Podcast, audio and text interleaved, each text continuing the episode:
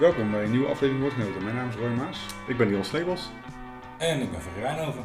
de gast aan tafel. Yes, vandaag hebben we iemand er- erbij weer. Gezellig. Ja. Welkom. Ja, dankjewel. Leuk. Eh, je bent hier niet zonder reden. De aanleiding die we, ja, er zijn natuurlijk genoeg aanleidingen te noemen. Maar we hadden een eh, bier in het glas, eh, wat eh, bijzonder was. Ja. En eh, jij bent daar onderdeel van geweest. Ja, Ja. Het, is, eh, nou, het komt uit Tilburg, van Stadsbrouwerij 013. Niet verwarren met Stadsbrouwerij Tilburg, want die is er namelijk ook. Eh, het bier heet Tot op het Bot. Het is een black IPA. Dus ja, wij moesten eigenlijk al meteen aan jou denken. Ja. Want eh, leg even uit eh, als je wil. Snap ik. Ja, nou ja, we hebben met de Biergeeks groep hebben we altijd een hashtag, eh, hashtag meer Black IPA's op Biergeeks. Omdat we het een fantastische bierstijl vinden. En er was een tijd waarop het niet heel erg veel verkrijgbaar was. Dus Ja, dat klopt. En gelukkig zien we het langzaamaan weer wat meer. En eh, de andere reden waarom we aan jou moesten denken is dat dit eh, bier eh, goud heeft gewonnen tijdens de Dutch Beer Challenge eh, afgelopen maand. En jij was daar eh, een van de juryleden. klopt, ja. Ik werd uitgenodigd om eh, te jureren. En eh, dat heb ik gedaan met eh, een heleboel andere eh, bierpersonen, biersommeliers. Dat was hartstikke leuk om te doen. Ja. Ja. Even nog, even nog heel even terugdraaien voor de mensen die Ferry Wijnhoven niet kennen. Dat kan hè. Dat je naar kan. een bierpodcast luistert en dan Ferry Wijnhoven niet kent. De kans niet zo groot denk ik. Maar Ferry, wil je misschien eerst even heel kort voorstellen? En we kunnen alvast even proosten, want dan kunnen we intussen Cheers, drinken. Proost. Cheers. Proost. Ja, natuurlijk wil ik mezelf voorstellen. Ja, eh, nou ja, Ferry Wijnhoven inderdaad. Ik eh, denk dat ik het meest bekend ben als oprichter van de Biergeeks Facebookgroep. In 2013 opgericht, een beetje voor de fun. Dat liep heel snel uit de hand en ja, inmiddels zijn we een paar jaar verder, hebben we zo'n 15.000 leden. En eh, ja, doen we allerlei eh, leuke dingen, eh, leuke acties. En praten we dagelijks eigenlijk over craft bier voornamelijk. Ja, daarnaast heb ik ook mijn eigen podcast. Ja, En vertel, hoe heet die? Onder de loop. Precies. En check die ook vooral. En gaan we met eh Biergeeks ook op pad. Hebben we Biergeeks Television, waarmee we live uitzendingen vanaf brouwerijen doen. Ja, tof. Ja, we gaan je zo meteen nog wel even wat vragen stellen natuurlijk. Over, nou ja, Ja. over, de, over die Biergeeks eh, Facebookgroep en eh, andere dingen die jou bezighouden. Ja, Maar ja, goed. Dus eh, zoals we al eh, aangaven, Ja. eh, de Dutch Beer Challenge. Ehm, hoe kwamen ze eigenlijk bij jou? ik kreeg een e-mail vanuit de organisatie eh, of ik eh, mee wilde jureren. Ehm, ik eh, heb Stibon niveau 1 gedaan. Ik ben bezig met Stibon niveau 2. eh, dus om uiteindelijk biersommelier te worden. En eh, ja, vanuit die hoek eh, hebben ze mij benaderd. Ehm, en een, denk ik een wat bekendere naam vanuit Biergeeks Facebookgroep, waar dus een heleboel van, eh, van diezelfde mensen ook bij zitten. Ehm, en zo kwamen ze bij mij. En, eh, Oké. ehm, het zal wat afzeggingen ook, omdat ja, corona, en normaal gesproken zijn er wat meer buitenlandse eh, juryleden. Die eh, konden dit jaar allemaal niet komen vanwege corona. Dus zochten ze wat meer mensen vanuit Nederland zelf. En eh, zo kwamen ze bij mij. Oké. Nou, dat is wel, eh, wel leuk om te doen, denk ik. Was heel leuk om te doen. Ja, was best een zware dag, moet ik heel eerlijk zeggen. Eh, je bent toch de hele dag bezig met eh, bierproeven, met eh, al je sensoren staan aan. Alles moet je goed bedenken. Wat ruik ik, wat proef ik. Nou ja, je bent de hele dag bezig met jureren. Het was ontzettend leuk om te doen, maar eh, ja, best een pittige dag ook wel. Hoor. Hoeveel eh, bieren proef je dan op zo'n eh, dag? Eh, nou ja, de, alle bieren worden onderverdeeld in categorieën. Hè? En gelukkig hoef je niet alle bieren te proeven. Dat is gewoon onmogelijk. Ik heb zelf drie categorieën geproefd. En eh, dat was tussen de 15 en de 20 bieren per categorie. En eh, nou we begonnen om een uurtje half tien 's ochtends. En waren om half vijf, vijf uur 's middags geloof ik klaar. Dus dan heb je, wat is het dan, een kleine 60 bieren eh, beoordeeld. Ja.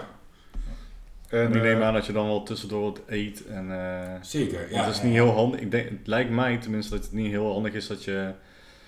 Ja goed, zodra die alcohol gaat werken, kan het zomaar zijn dat je misschien wat meer enthousiast wordt van het ene bier. Ja, dat, Eh. ja, ik snap wat je bedoelt. Ja, Het is gelukkig wel proeven, dus het zijn geen volle flessen die je weg hoeft te werken. Nee. Dus het zijn kleine glaasjes. Je geeft zelf ook aan van wanneer je welk glas wil. Dus we begonnen met een aantal, dus worden niet alle 20 meteen voor je neus gezet. Mm. Ehm, dus je geeft zelf aan van nou ik wil nu de volgende vijf of ik wil eventjes rust. Of, eh, Ja. Je kan er tussendoor wat drinken en er, staat, eh, staan crackers, er staan broodjes die, je die je kan, eh, tussendoor kan nemen. Dus ja, de rust wordt er wel echt wordt wel genomen, want dat moet ook wel echt. ja, is- om ook je smaakpapillen even een beetje weer, weer tot rust te laten komen. Ja. En weer even te neutraliseren met wat water, met wat crackers. En ja, de alcohol begint te werken, zeg je, dat viel gelukkig mee. Eh, Ja. Ik eh, kon gewoon nog normaal naar huis. Ik was zo met openbaar vervoer. Maar eh, nou ja, wat ik zeg, je drinkt hele kleine glaasjes. Ja, het is niet zeg maar de, de sfeer die je normaal zou hebben op een bierfestival. Nee, het is geen bierfestival. Nee. Nee, nee, nee, nee, nee. Het is in een, eh, in een ruimte, eh, allemaal tafels. En eh, eh, daar worden, eh, per groepje word je daar aan tafel gezet. En eh, het is totale stilte. En dan inderdaad eh, proefformulieren krijg je voor je neus. Eh, je weet niet wat je krijgt, eh, wel welke stijl. Maar totaal geen idee welke bieren van welke brouwerijen erin zitten. Dus je krijgt gewoon een x aantal bieren voor je neus. Ja, En je weet van tevoren ook niet welke er zijn ingezonden. Nee, nee, nee, nee. Achteraf ook niet trouwens. Ik weet nu nog Oké, steeds niet. oké. Ik heb echt geen idee welke brouwerijen hebben ingestuurd. Ik weet alleen welke er gewonnen hebben, omdat dat bekend is gemaakt natuurlijk.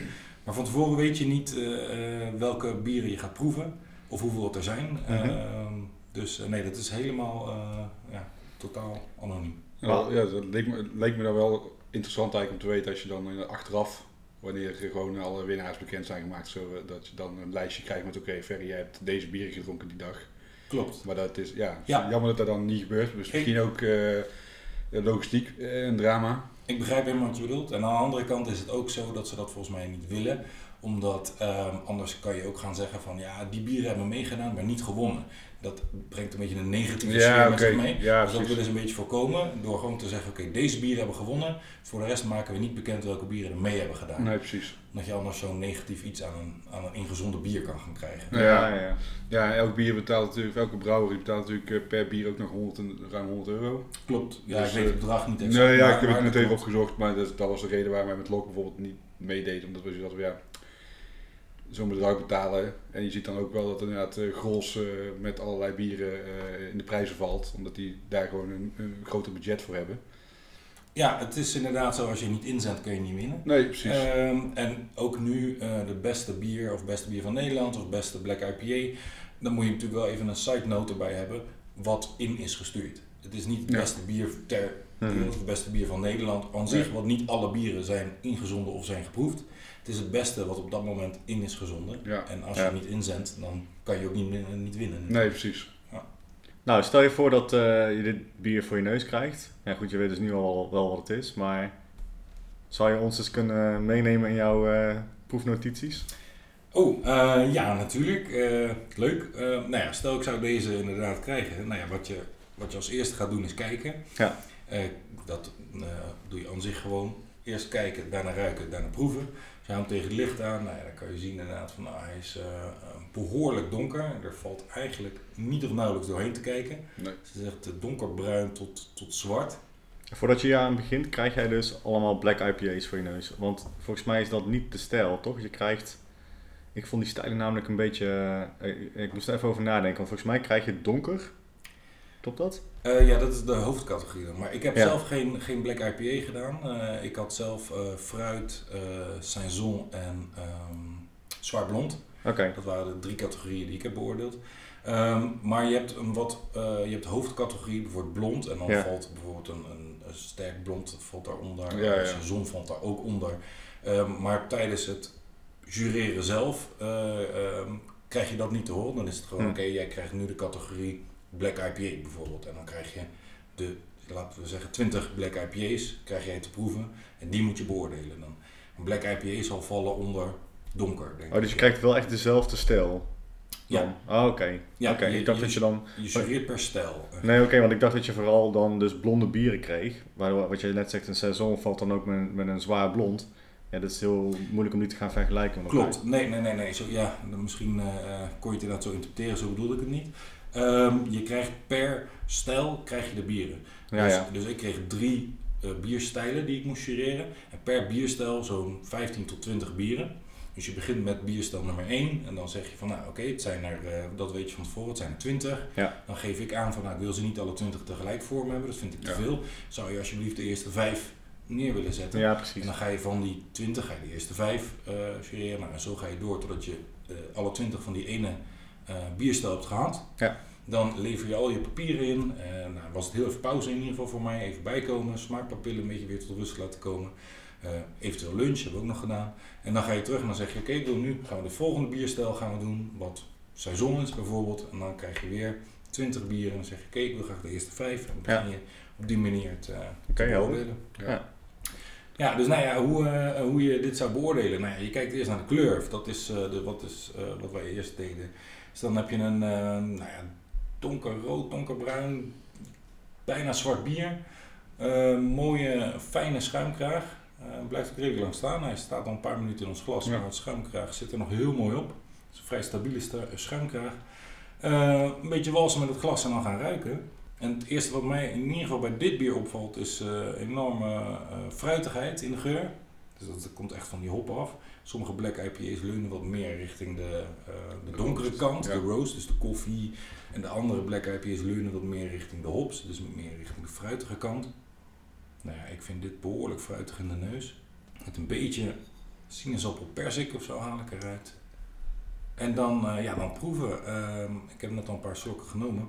Ik eh, vind hem heel mooi in balans. Ehm, wat ik zei, waar soms het ene Black IPA heel erg richting de donkere kant gaat, richting de roast gaat, of de andere eh, kant juist op gaat, weer heel erg naar de hoppige kant, heeft deze juist eigenlijk een hele fijne balans. Eh, je proeft wel die roast, een beetje die, die chocoladetonen. Koffie wil ik er niet per se uithalen, Nee. het is echt een beetje die chocoladetonen.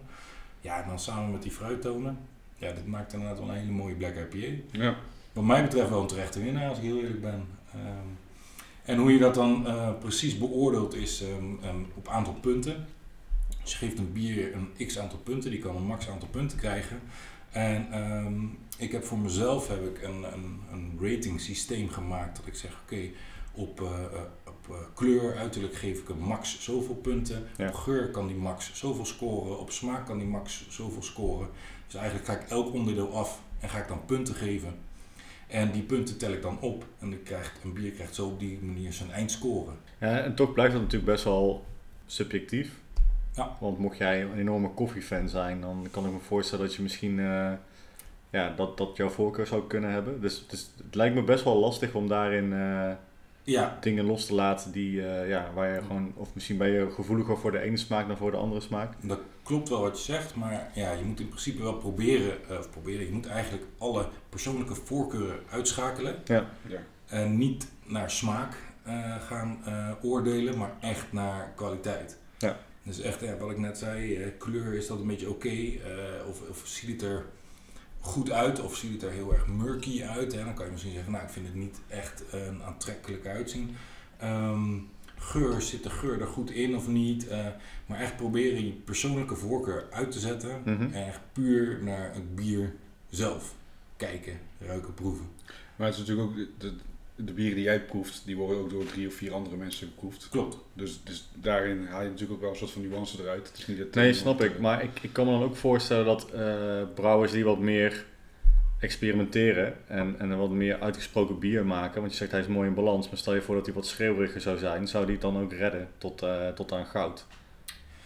Ehm, Of ja. ben je echt op zoek naar die, naar die, naar die mooie balans? Want dan krijg je misschien wel eh, best wel brave bieren, als het ware, als winnaar. Nou ja, goed, het beste bier van Nederland is Nevel natuurlijk. Eh, die zou ik niet per se braaf of eh, traditioneel eh, willen noemen. Nee, maar wel, is- wel vaak in balans. Ja, maar, daar, maar dat is toch ook het, het idee achter een goed bier natuurlijk. Dat die in balans is. Weet ik niet, want het eh, hoeft niet per se, toch? Nou ja, ba- balans is niet per se het einddoel. Eh, het einddoel is een goed gebrouwen bier. Hm. Ehm, die voldoet aan alle eisen van die bierstijl. Ja. En natuurlijk, als je gaat experimenteren, dan, dan eh, ga je vaak eh, kleur je buiten de lijntjes en, en zal je misschien meerdere bierstijlen kunnen raken. Het is aan de brouwer eh, om te beslissen in welke bierstijl die hem inzendt. En zo weet ik dat er bijvoorbeeld een brouwer een paar jaar geleden een bier had ingezonden die niet lekker beoordeeld werd. Het jaar daarna had hij hetzelfde bier ingezonden in een andere bierstijl. Toen scoorde hij in één keer een heel stuk hoger. Dus het is aan de brouwer waar, waar die hem op instuurt. Ja. En daarop wordt hij dan beoordeeld.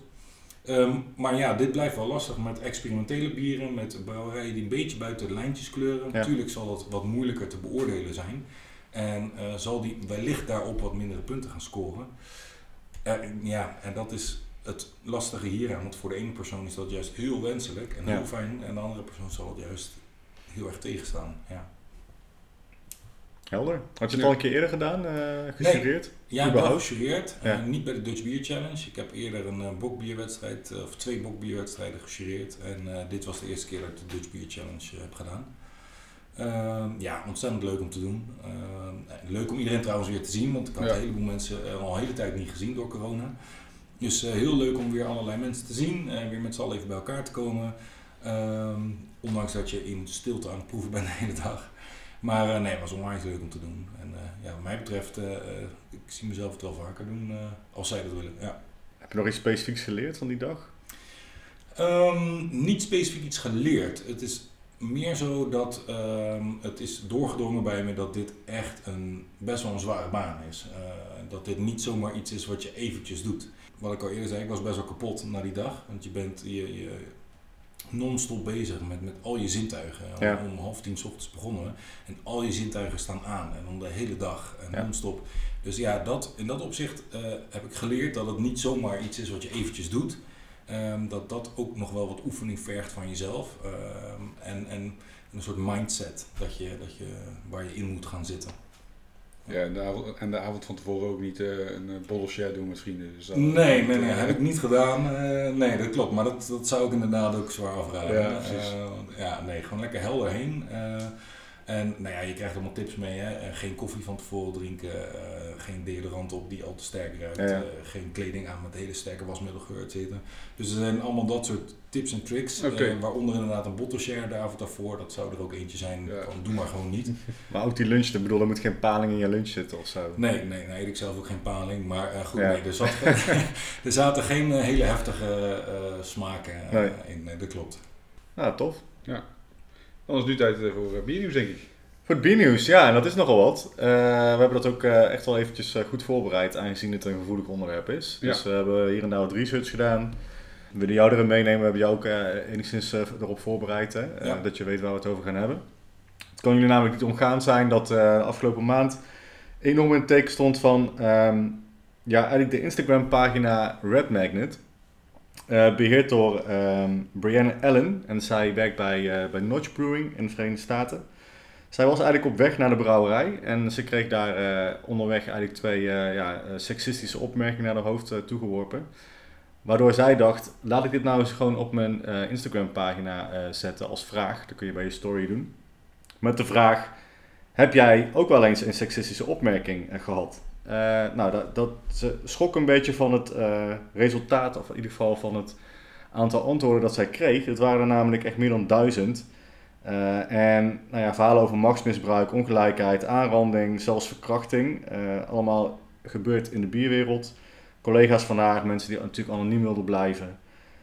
Ja, daarbij waren niet alleen brouwerijen, maar ook horecagelegenheden.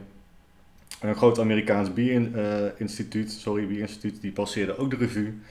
Nou, ze had bij het, begin, bij, het, bij het stellen van die vraag had ze 2200 volgers. Eh, inmiddels zit ze, er, zit ze over de 62.000.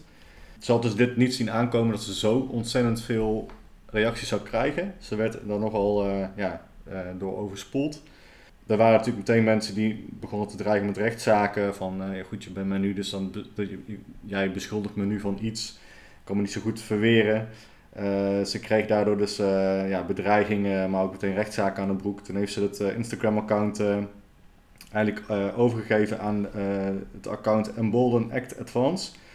En het bestaat uit een groep vrijwilligers die eigenlijk alle verhalen gaat screenen.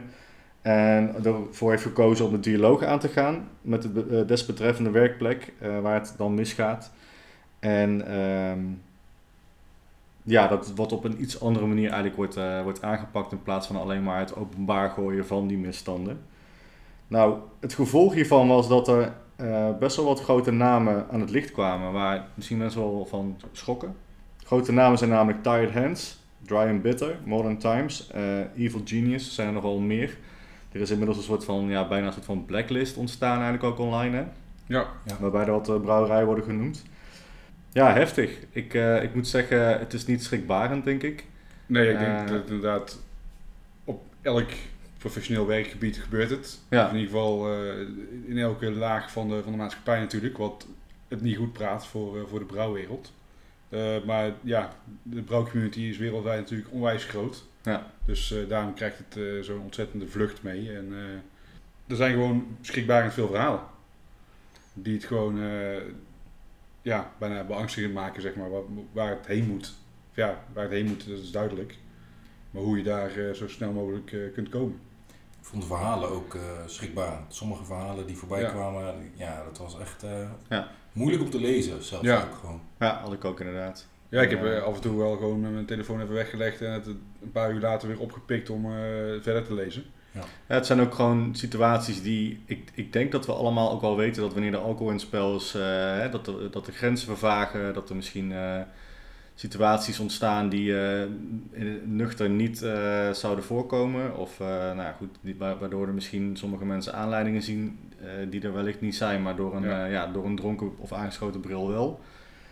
Eh, ik moet zeggen, ik was daar toch wel ook wel redelijk naïef in, eh, tot ik het las en dacht, ja, het is eigenlijk helemaal niet zo heel vreemd dat dit gebeurt. Ja, natuurlijk is het vreemd dat het gebeurt, maar dat het dan in één keer zo dicht gebeurt in de wereld waar je wel heel erg van houdt eigenlijk, is dan best wel een flinke klap op je neus. Ja, en ik heb ook het idee altijd, en dat heb ik meerdere mensen ook horen zeggen, van we zien onszelf zo als een inclusive eh, community en, en hè, binnen de craft beer wereld, Ja. iedereen is, is, is positief met elkaar, is, is op goede voet met elkaar. Ja, en als je dan zulke verhalen leest, dan, eh, dan eh, klapt die, eh, die bubbel wel even. Ja. Ja, en het, goed, het hele inclu- inclusiviteitsding is natuurlijk ook een beetje overtrokken. Want ik denk als je Ja. gaat kijken naar de bierwereld, is 90% witte man. Klopt, is zo. Dus en ook niet alleen als bierdrinker, maar ook als brouwers zelf zijnde. En daar wordt natuurlijk gewoon goed aan gewerkt. En je merkt wel dat, zeker toen eh heel Black Lives Matters eh, met het Black is Beautiful eh, bier kwam, Ja, die Dat- ook behandeld hebben in de uitzending. ja, dat, dat, ja, dat iedereen het, het, het beste voor heeft. Tegelijkertijd denk ik dat heel veel brouwerijen op dit vlak een beetje achterlopen. Omdat ze gewoon vaak, het zijn vaak kleine bedrijven of kleine barretjes. Die niet echt met een, een, een HR-management werken waar je heen kunt of waar je op kun- kunt terugvallen. Toch is het vaak lastig om tegen je meerdere, wat dan een man is, eh, te zeggen van oh dit en dit is er gebeurd. Ja, of ik kan me voorstellen dat wanneer er dus alcohol in het spel is, dat het dan zo een beetje wordt weggewuifd van ja, maar ja, weet je, Hij was dronken, of, hij was eh, dronken, ja. dus hij wist niet wat hij allemaal aan het doen was. Eh, ik denk dat dat best wel ook een beetje Ja. eh, meespeelt. En daarom vind ik het ook wel goed dat dit nu aan het licht is gekomen. Want dit, die, toen die verhalen begonnen eh, te, te komen, zeg maar, toen waren er denk ik meer mensen die dachten, oké, ja, nou durf ik mijn verhaal ook wel te doen. En ik denk dat heel veel mensen eh, ook hun verhaal niet durfden te doen. Bang voor wat er zou komen, wat voor reacties ze zouden krijgen. En toen dit begon te spelen, eh, kwamen er denk ik meer verhalen, omdat men gewoon dacht, oké, ja, ik Ja. durf mijn verhaal nu Ja. eindelijk te doen. Ja, en ook al die verhalen konden ook anoniem gedaan worden via eh, in het begin eh Brianne, eh, of, ja, Brianne Allen. Ja. En eh, daarna dan eh, via allerlei andere social media kanalen. Wat ik persoonlijk wel goed vind, eh, is dat er nu dus echt wel ook onderzoek gedaan wordt en niet klakkeloos alles doorgestuurd eh, wordt. Mhm. Eh, ik las namelijk ook een verhaal van iemand die beschuldigd werd in, in Amerika, in een brouwerij in Californië. En dat bleek, het ging om een mic, maar die ene, het ging dus blijkbaar om een andere mic dan de mic waar ze het als Ja. eerste over hadden. Ja. Daarmee kun je natuurlijk wel een hoop schade geven aan iemand persoonlijk. Dus dat is op zich wel, eh, wel goed dat er nu gewoon eh, diep, dieper op ingegaan wordt. eh, zeker als het op persoonlijk vlak eh, aankomt. Ja, en nogmaals, ik denk dat eh Brienne Allen dit niet voorzien had. Dat dit Nee. zo eh, uit, uit de hand zou lopen op haar account. Ja. Ja. Ik bedoel, Er moeten dingen veranderen, maar wat, wat kunnen we doen? Of wat zou de bierwereld kunnen doen? Hebben we daar ideeën over? ik, Ehm, heb, ik heb hier wat dingen opgeschreven. Hè? Ik bedoel, eh, eh, moeten we iets met bepaalde bieretiketten? eh, hè? Moeten die worden geweigerd in winkels? Ik noem een, een, ik, ik Nou, noem bijvoorbeeld. eh. Ik denk dat het, het allerbelangrijkste is, wat, wat er ge- ge- gedaan moet worden, is dat er per land, of wij, als je echt een grote brouwerij zoals een, een Mikkeler of een Brewdog, die moet zelf gewoon iets goeds aanstellen binnen het bedrijf waar mensen gewoon hun beklag kunnen doen. Daarnaast denk ik dat bijvoorbeeld een eh, organisatie als eh, Kraft in Nederland, dat voor Nederlandse brouwerijen, al zijn er weinig verhalen uit, uit de Nederlandse hoek, dat, die daar, dat er gewoon een soort van meldpunt is. Ja. Is er iets gaande bij een eh, brouwerij die is aangesloten bij Kraft, wat volgens mij best wel veel brouwerijen op dit moment zijn in Nederland, dat je er gewoon een melding kunt maken. En dat er vanuit die organisatie eigenlijk een soort van overkoepelend eh, orgaan is om al die kleine brouwerijen te ondersteunen als er misstanden zijn. En ja, ik hoop dat het eigenlijk niet nodig is en dat men gewoon eh, zelf die verantwoordelijkheid neemt. Het is een stukje bewustwording, denk ik ook. Hè? En daarom Ja. denk ik ook dat dit goed is dat dit nu aan het licht is gekomen. Ehm, het is een soort bewustwording van ons allemaal ineens. Van, oh joh, dit is er aan de hand. En, en er is iets aan de hand. Dit kun je niet meer negeren. Ja. Je kan dit niet meer wegwuiven. Dus het is goed dat dit nu naar buiten is gekomen. En dat we er bewust over kunnen nadenken. Het is niet goed dat dit is gebeurd, uiteraard. Het is wel iets wat, wat, waar actie op ondernomen Ja. moet worden. Maar ik denk dat het wel goed is dat ook bij de consument een soort bewustwording is gekomen van oké, ehm, dit is niet oké. En, en er moet misschien iets veranderen. Dus ik koop misschien dat bier met dat seksistische label gewoon een keer niet meer. Hè, om daarmee een Ja. soort statement te maken. Want het begint bij de brouwerijen, het begint bij de werkgevers, bij de werknemers. Het, het, maar het moet wat mij betreft ook doorcijpelen richting de consument. Ja. Dat de consument ook wat bewuster wordt en koopt. Ja, ja oké, nu heb je het natuurlijk over eh, een etiket. Dat is, dat is vrij makkelijk. Maar als je bijvoorbeeld hoort dat wat er bij eh, Dry and Bitter is gebeurd. Ja. Eh, nou goed, uiteindelijk is daar goed, of ja, goed opgelost. De CEO, Søren, is daar inmiddels weg. Ja, zou je dan nog steeds zeggen, oh ja, ik koop dat bier niet meer? Vanwege het feit dat eh, zo'n Ja. zo, zo'n persoon daar heeft gewerkt. Ja, dat is een lastige discussie Ja. inderdaad. Hè? Eh, Wanneer koop je een bier wel nog, wanneer koop je een bier niet meer als consument? Ehm, dat zal voor iedereen ook anders zijn. Ik bedoel, eh. Het ligt een beetje aan hoe je er zelf ook in staat. Dat betreft wat jij zegt, als er een, iets van een meldpunt komt of zo, dat zou inderdaad al heel een goede stap zijn. Zodat er in ieder geval aan de bel getrokken kan worden als er iets gebeurt wat niet oké is. Ja, Ehm, maar ja, wat ik bedoel is inderdaad, ik hoop dat het door alle lagen heen eh, gaat. En dat iedereen zich ook beseft van, nou ja, we moeten een verandering eh teweeg brengen.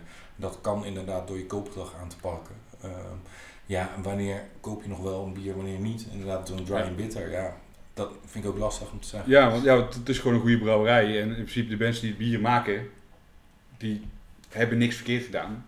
Het is gewoon één, één persoon in een brouwerij die dan zoveel schade toe kan brengen.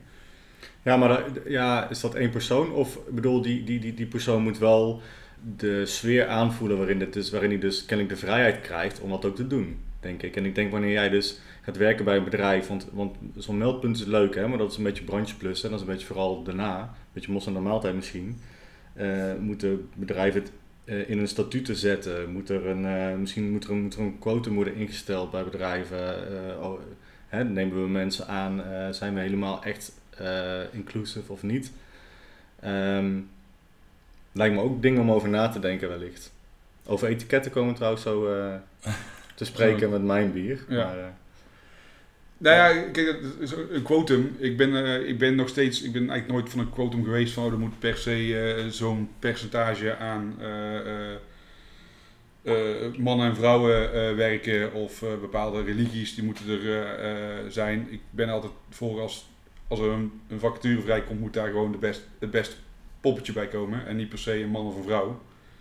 Ehm, dus ja, ik vind dat heel lastig om daar zoiets in de statuten te, te zetten als brouwerij zijnde. ja, bovendien las ik dat Ronald van der Streek ook noemde eh, op jouw eh, Facebookpagina. Mag ik wel zeggen toch? Tuurlijk, Facebookpagina. ja, zeker, zeker. Ehm, dat er niet ook heel veel vrouwen zijn per se die willen werken in de bierwereld. Eh, maar goed, dat is een beetje een kip-ei verhaal. Willen ze niet werken in de bierwereld omdat het een mannenwereld is? Of willen ze dan niet werken omdat ze al misschien het gevoel krijgen dat daar dingen spelen die hè, eh, het, macho eh, gedrag Ik vind dat heel lastig, want wat ik, we hebben het hier natuurlijk al, omdat we het hebben voorbereid, hebben het erover gehad. Wat ik heel erg zag in, in New York, eh, bij, bij brouwerij die ik bezocht, was zeg maar het, het productieteam bestond voornamelijk uit mannen. Ja. En front of house, dus eh, achter de bar en zo, waren, waren vrouwen.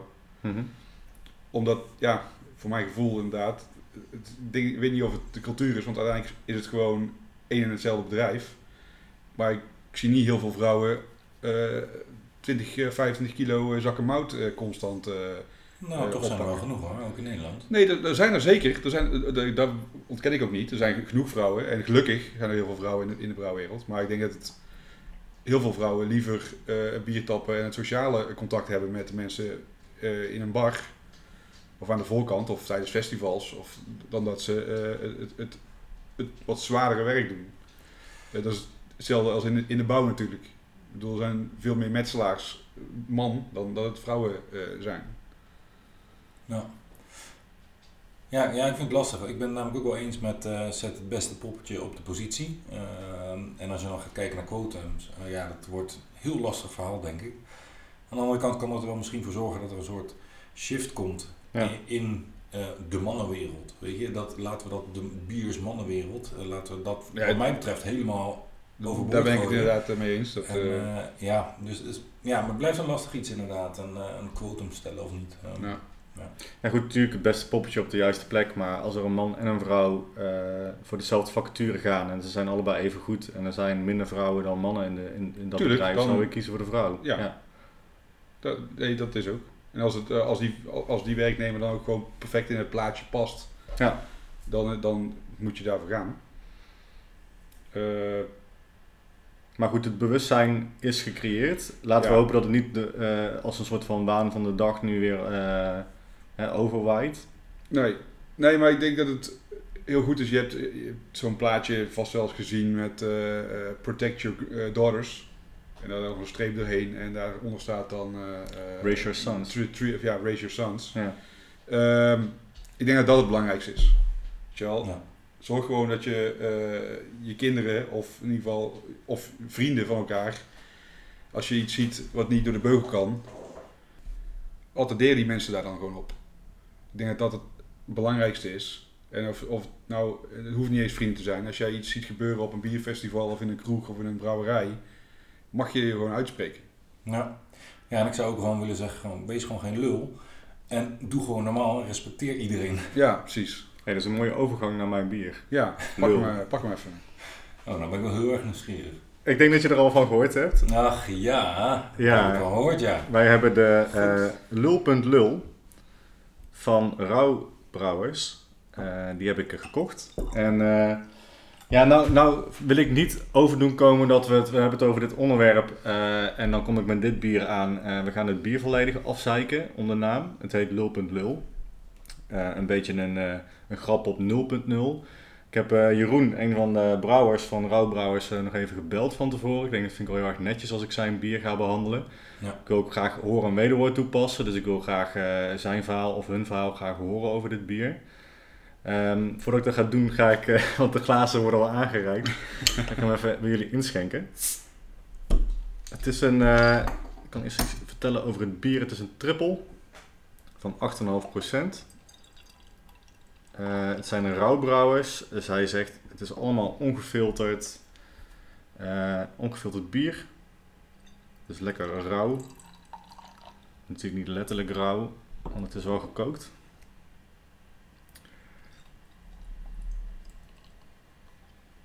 En eh, de filosofie van de brouwerij is. Eh, geniet, geniet, geniet met vrienden van het bier eh, na, een, eh, hè, na, na, een, na een weekend of na, een werkweek vol stress. Wil je gewoon lekker met je vrienden gaan zitten, een biertje drinken. Dan, is het niks, dan heb je niks aan een 0.0. Maar dan is het eigenlijk, ja, zoals die vrouw op het etiket ook laat zien. Vak jou met je 0.0. Dus ze steekt de middelvinger op ja. naar de 0.0 en ze noemen het lul.lul. Hoeveel procent alcohol is die? 8,5. En eh, daar zit Magnum hop en Saas hop in. Het is dus niet een alcoholvrij bier, maar een alcoholblij bier. Zo noemen ze het zelf. Eh, er zitten havervlokken in. Eh, ja, verder wat tarwe en gerstemout. En that's it. Wat er eigenlijk tot nu toe op de fles staat. Ja, Grand Cru, daar heb ik trouwens niet naar gevraagd. Per se. Maar ehm, ik heb ze natuurlijk ook bevraagd over het bieretiket. Dit etiket kwam voorbij op Biergeeks. Daar was wat over te doen. Dat was een Eh, klein relletje. Eigenlijk wel. Eh, volgens mij werd het eh, het topic aangesneden door een vrouw. Ehm, nou, volgens mij werd het gepost door een man. Oh, sorry, je hebt gelijk, naar, ja. naar aanleiding, die gaf als knipoog ehm, eh, eh, naar de hele, het hele gesprek wat we net hebben gevoerd Ja. hè, van Red Magnet. Die gaf een beetje een knipoog van, joh, en dit bier dan, hè, en, en wat moeten we hier dan mee? Ja. En daar werd stevig over gediscussieerd. Precies, ik zal toch even voor de luisteraar even goed proberen het etiket eh, te omschrijven. Het is een eh, vrouw in het roze, het is een silhouet. Zij eh, neemt een slok van een, van een fles bier, terwijl ze de middelvinger eigenlijk opsteekt naar ja, degene die, het die, die, bierfles, die, die de bierfles vasthoudt. En daarop zijn allerlei, is allerlei informatie eh, over het bier eh, eh, geschreven. Ehm, ik heb ze daarna bevraagd. Ik heb ze ook met ze over gehad. Van, joh, hebben jullie hierover nagedacht voordat jullie het etiket lanceerden? Ze zeiden ja, maar niet in die zin dat het onvriendelijk zou zijn. Wij zijn een brouwerij die iedereen accepteert. Mannen, vrouwen, alles tussenin drinken onze bier graag. Daar willen we ook voor staan. We willen er ook, ja, dat hebben ze heel erg benadrukt ook tijdens het, het belletje eigenlijk. Dat hun bier echt wel voor iedereen bedoeld is. Eh, de naam is overigens bedacht door een van de vriendinnen slash vrouwen van de brouwers. Lul.lul. Lul. Ehm, ze kregen nog wel advies over het etiket dat, eh, dat iemand zei... waarom heb je de vrouw niet wat mooier gemaakt? Dus als je naar het silhouet kijkt, waarom heeft ze niet wat smallere taille en wellicht wat grotere borsten? Serieus? Oh, dat vind ik een beetje onzin, maar oké. Dat is in ieder geval als, eh, als soort van eh, advies toen eh, meegegeven. Daar hebben ze erbij gezegd, nee, dat willen we juist niet. Want het is gewoon, ja, zoals wij gewoon een vrouw zien in, in dit geval. En ehm, ja, ik weet niet, wat vinden we hiervan? Want ik heb hem ook gezegd dat we hier al een soort van over gaan discussiëren. Of in ieder geval vinden dat dit, dat dit kan. En is dit dan een van de etiketten die, eh, ik weet niet, die, die het, eh, ja, Ja, Ja, heel eerlijk, ik, eh, toen ik dit voor het eerst voorbij zag komen, dacht ik, eh, het eerste wat ik dacht is, oké, het is gewoon een, een lelijker etiket dan eh, van Brouwerij het Ei. ja daar deed mij ook De aan IPA. denken. Ja, die trouwens ook veranderd is. Hè? Ja, ik was, ik was hem toevallig net even aan het opzoeken, maar ik, heb hem dus niet, ik, heb, ik kon dus niet meteen het nieuwe etiket vinden. Maar het oude etiket stond een eh, soort van eh, pin-up eh, girl op, Vol met tato's en de tato's waar de, de info. de informatie ja. over wat erin zat.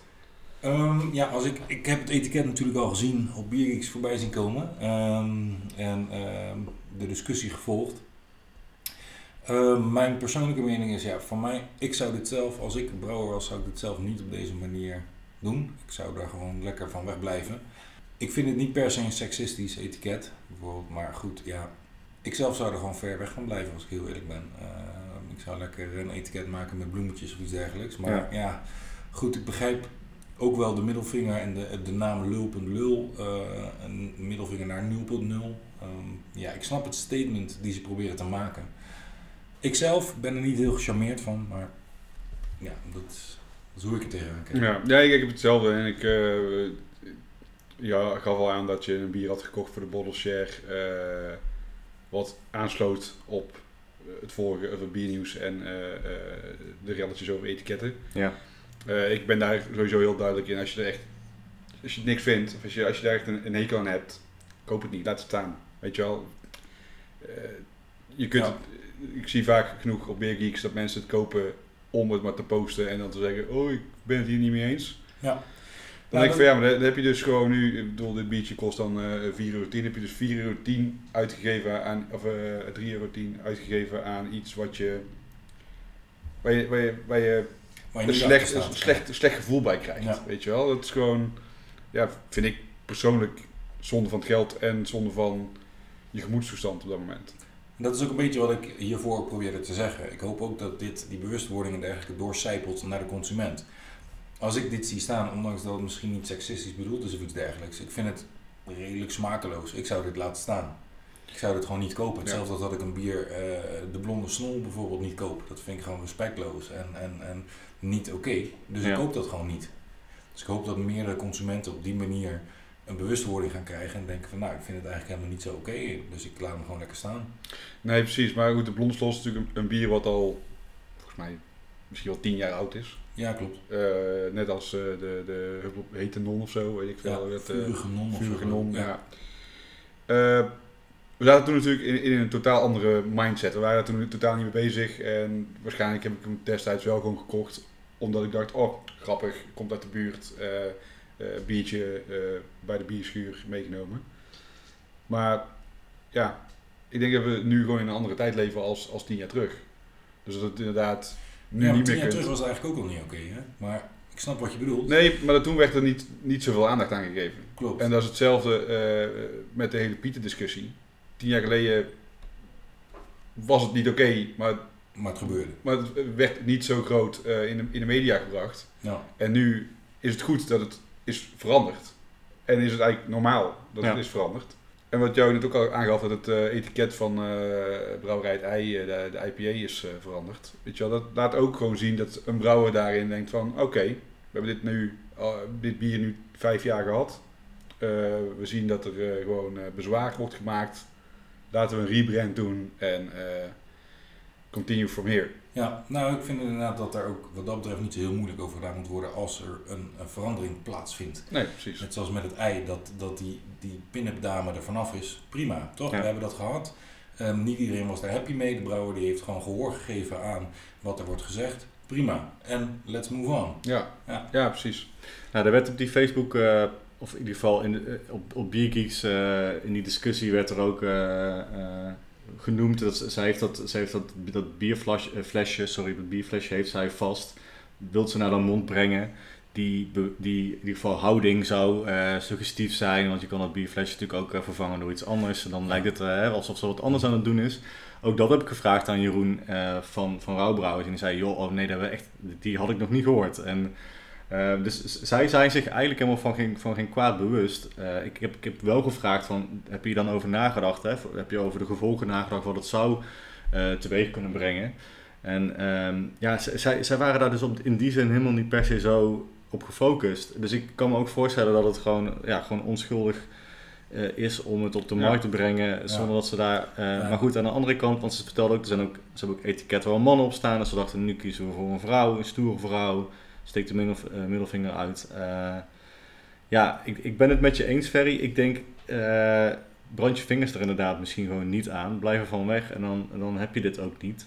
Aan de andere kant, het, ja, het zorgt wel weer voor heel veel aandacht. Ja, ik denk dat die post wel rauw op hun dak kan vallen. Oh, zie wat je dit daar. maar goed, nee, maar ik begrijp inderdaad dat zij er niet die insteek hebben gehad. En inderdaad, nee. ze hebben, ik heb de andere etiketten ook gezien van hun andere bieren. Ja. Er staan mannen op en daar, dat, dat is een beetje hetzelfde, dezelfde lijn wordt aangehouden. Ja. Um, daar past dit etiket perfect bij. Dus in dat opzicht snap ik dat heel goed. Maar ja, wat ik eerder zei, ik zou er zelf niet voor kiezen. Als ik een etiket zou ontwerpen, zou ik daar inderdaad ver weg van blijven. En um, ik zou lekker bloemetjes en bijtjes erop zetten. En uh, weet je. Uh, ja.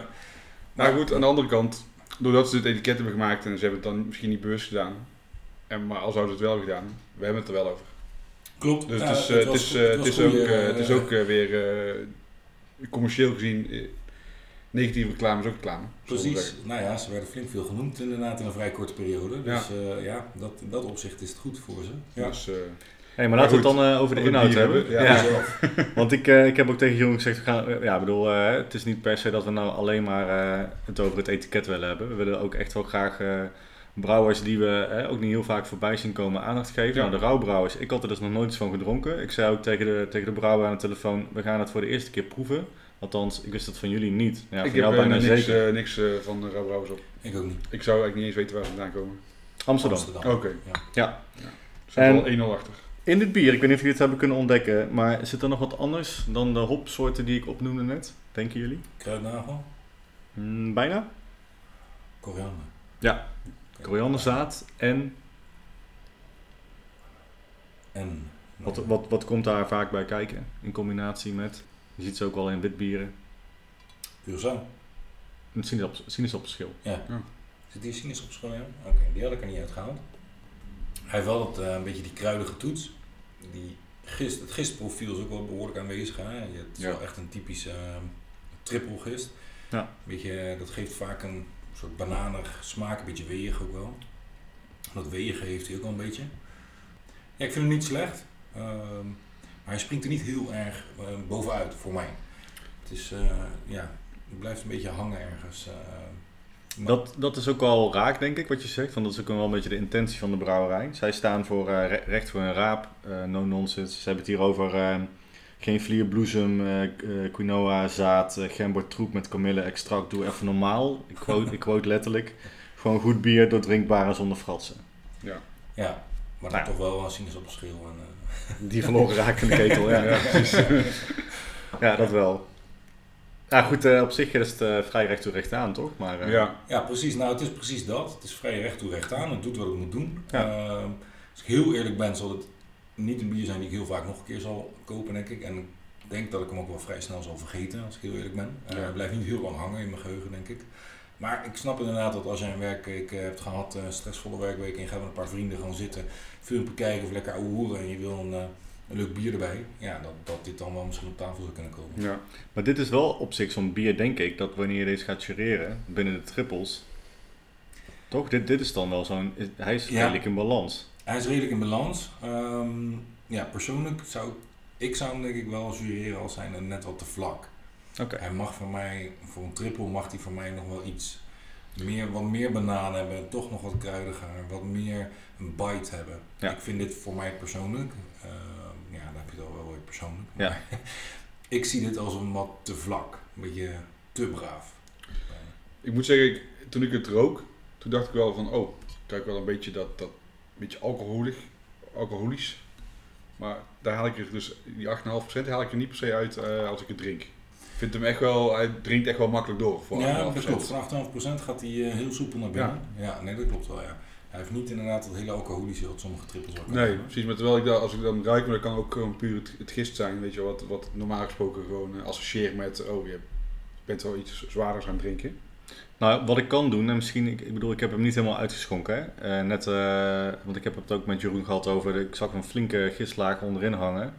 Hij zegt, ja, daar kun je mee doen wat je wil. Eh, wellicht proeft hij wat voller en wat smaakvoller wanneer je de gist voor een gedeelte erbij gooit. Ja. Ik weet niet of Ja, je dat nee. experiment nog wil eh, proberen. Nee, voor mij hoeft het niet per se hoor. Ik ben er meestal sowieso niet per se heel erg fan van als er... Jij hebt nooit een glaasje gist daarnaast die in één shot achterover Nee? Nee, nee. oké. Jij wel? Nee, nee, nee, nee, ik ben ook niet een wijze gist eh, Nee. liefhebber als ik eerlijk ben.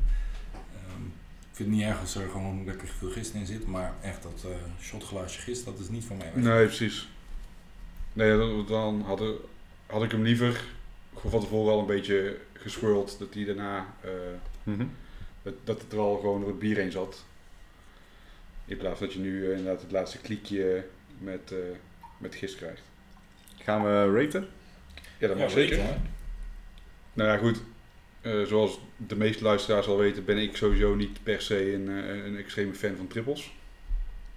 Maar eh, in de stijl zou ik dit een 3,5 geven, denk ik. Van de vijf. Van de 5. Ja. 3,5 watt, want je hebt altijd een, eh, een dingetje toch? 3, eh 3,5 Roudouwer. 3,5 roodouwer. Ja. Mooi. Je had natuurlijk ook iets anders kunnen zeggen.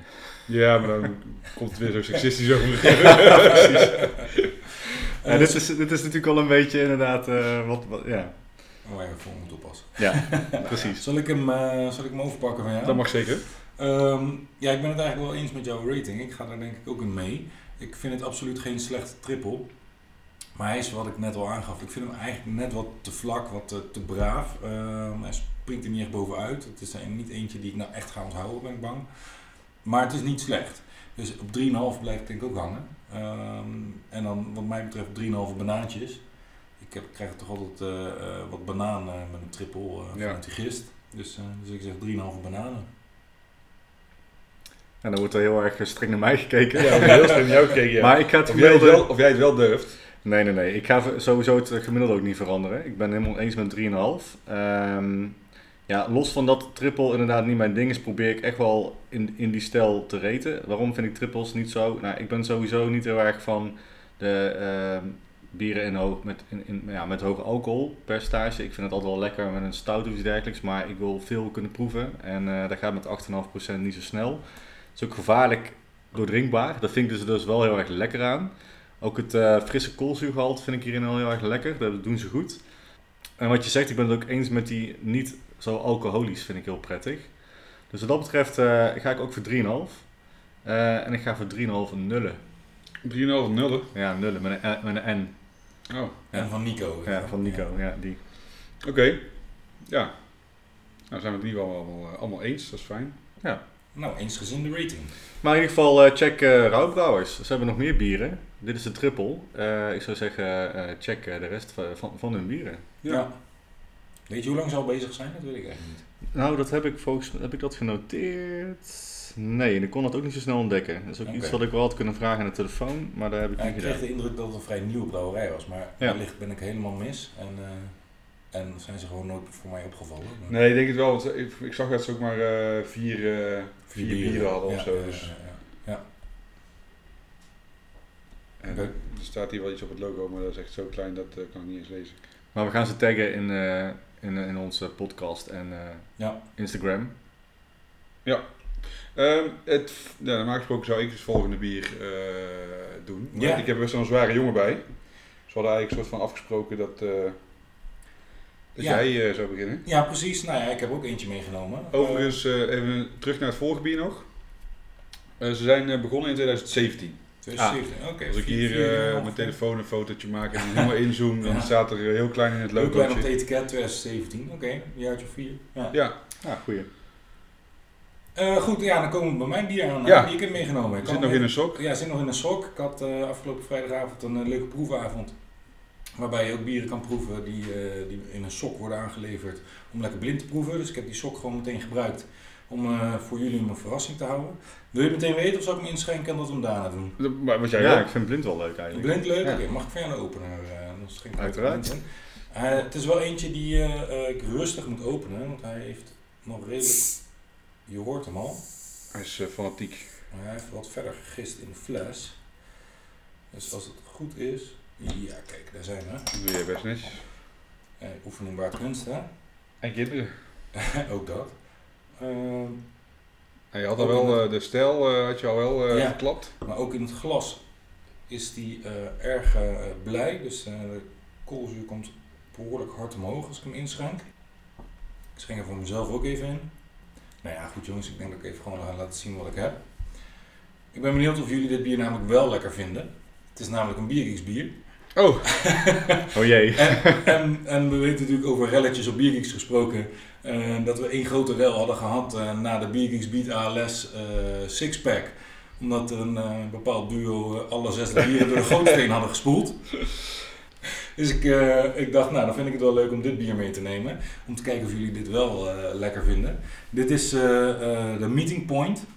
Een bier van Bronkhorster Brewing Company uit Ra Leuk. vlakbij Bronkhorst. Ja. En dit bier hebben wij gebrouwen vorig jaar zomer eh, samen met de admins van eh Biergeeks. Het was de bedoeling dat het bier gereleased zou worden op het Bronkhorster Bierfestival. Ja, je weet ook hoe dat is afgelopen. Dat is Ja. natuurlijk niet doorgegaan.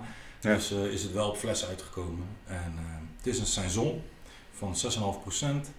Waarbij we eh, gedroogde gele en zwarte citroenen in hebben gedaan. eh passiepeper, eh, sinaasappel en kokosflakes. oké. Nog net geen lactose. Geen lactose. nee, nee, want ik weet hoe eh, je daarvan houdt. Ehm, nou ja, goed. eh, ik vond hem eh, zelf goed gelukt. Eh, ik was erg blij met het resultaat.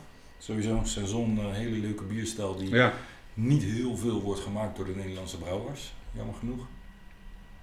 Dus eh, ja, vandaar Ja. dat wij sowieso op seizoen uitkwamen. Van, Ja. ja, we moeten een seizoen gaan brouwen. En vaak ook een beetje ondergewaardeerd door de consument, heb ik het idee. Klopt, het is een wat moeilijkere bierstijl, heb ik het idee. Ehm, het is niet zoals een Nijpa waarbij je lekker zoet en het scoort wel. Eh, nee, dat is, eh, dat is wat een seizoen niet heeft. Ehm, dus ja, ik ben benieuwd wat jullie ervan vinden. nou, Blijft eigenlijk stil.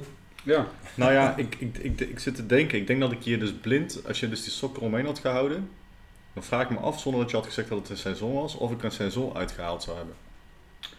Ik eh, heb het idee dat eh, ik eh, door de, ik nam het een slok en eh, het gistprofiel van die triple kwam gewoon weer gelijk meer naar voren, zeg maar. Dat zou ook kunnen.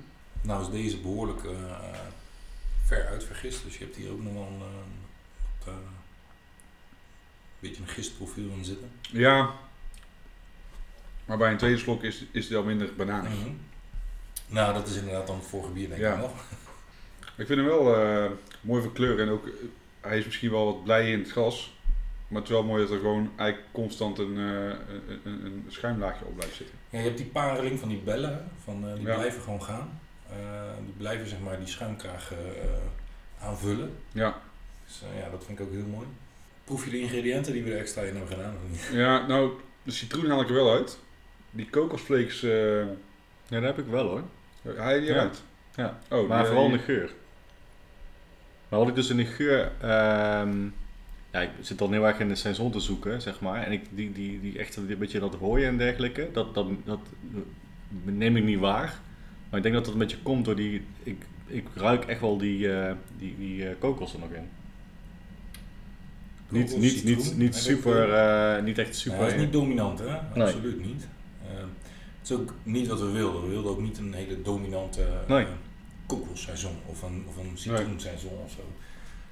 De, extra ingrediënten moesten echt een kleine toevoeging zijn aan het bier. Ik heb echt alleen geen idee wat passiepeper is.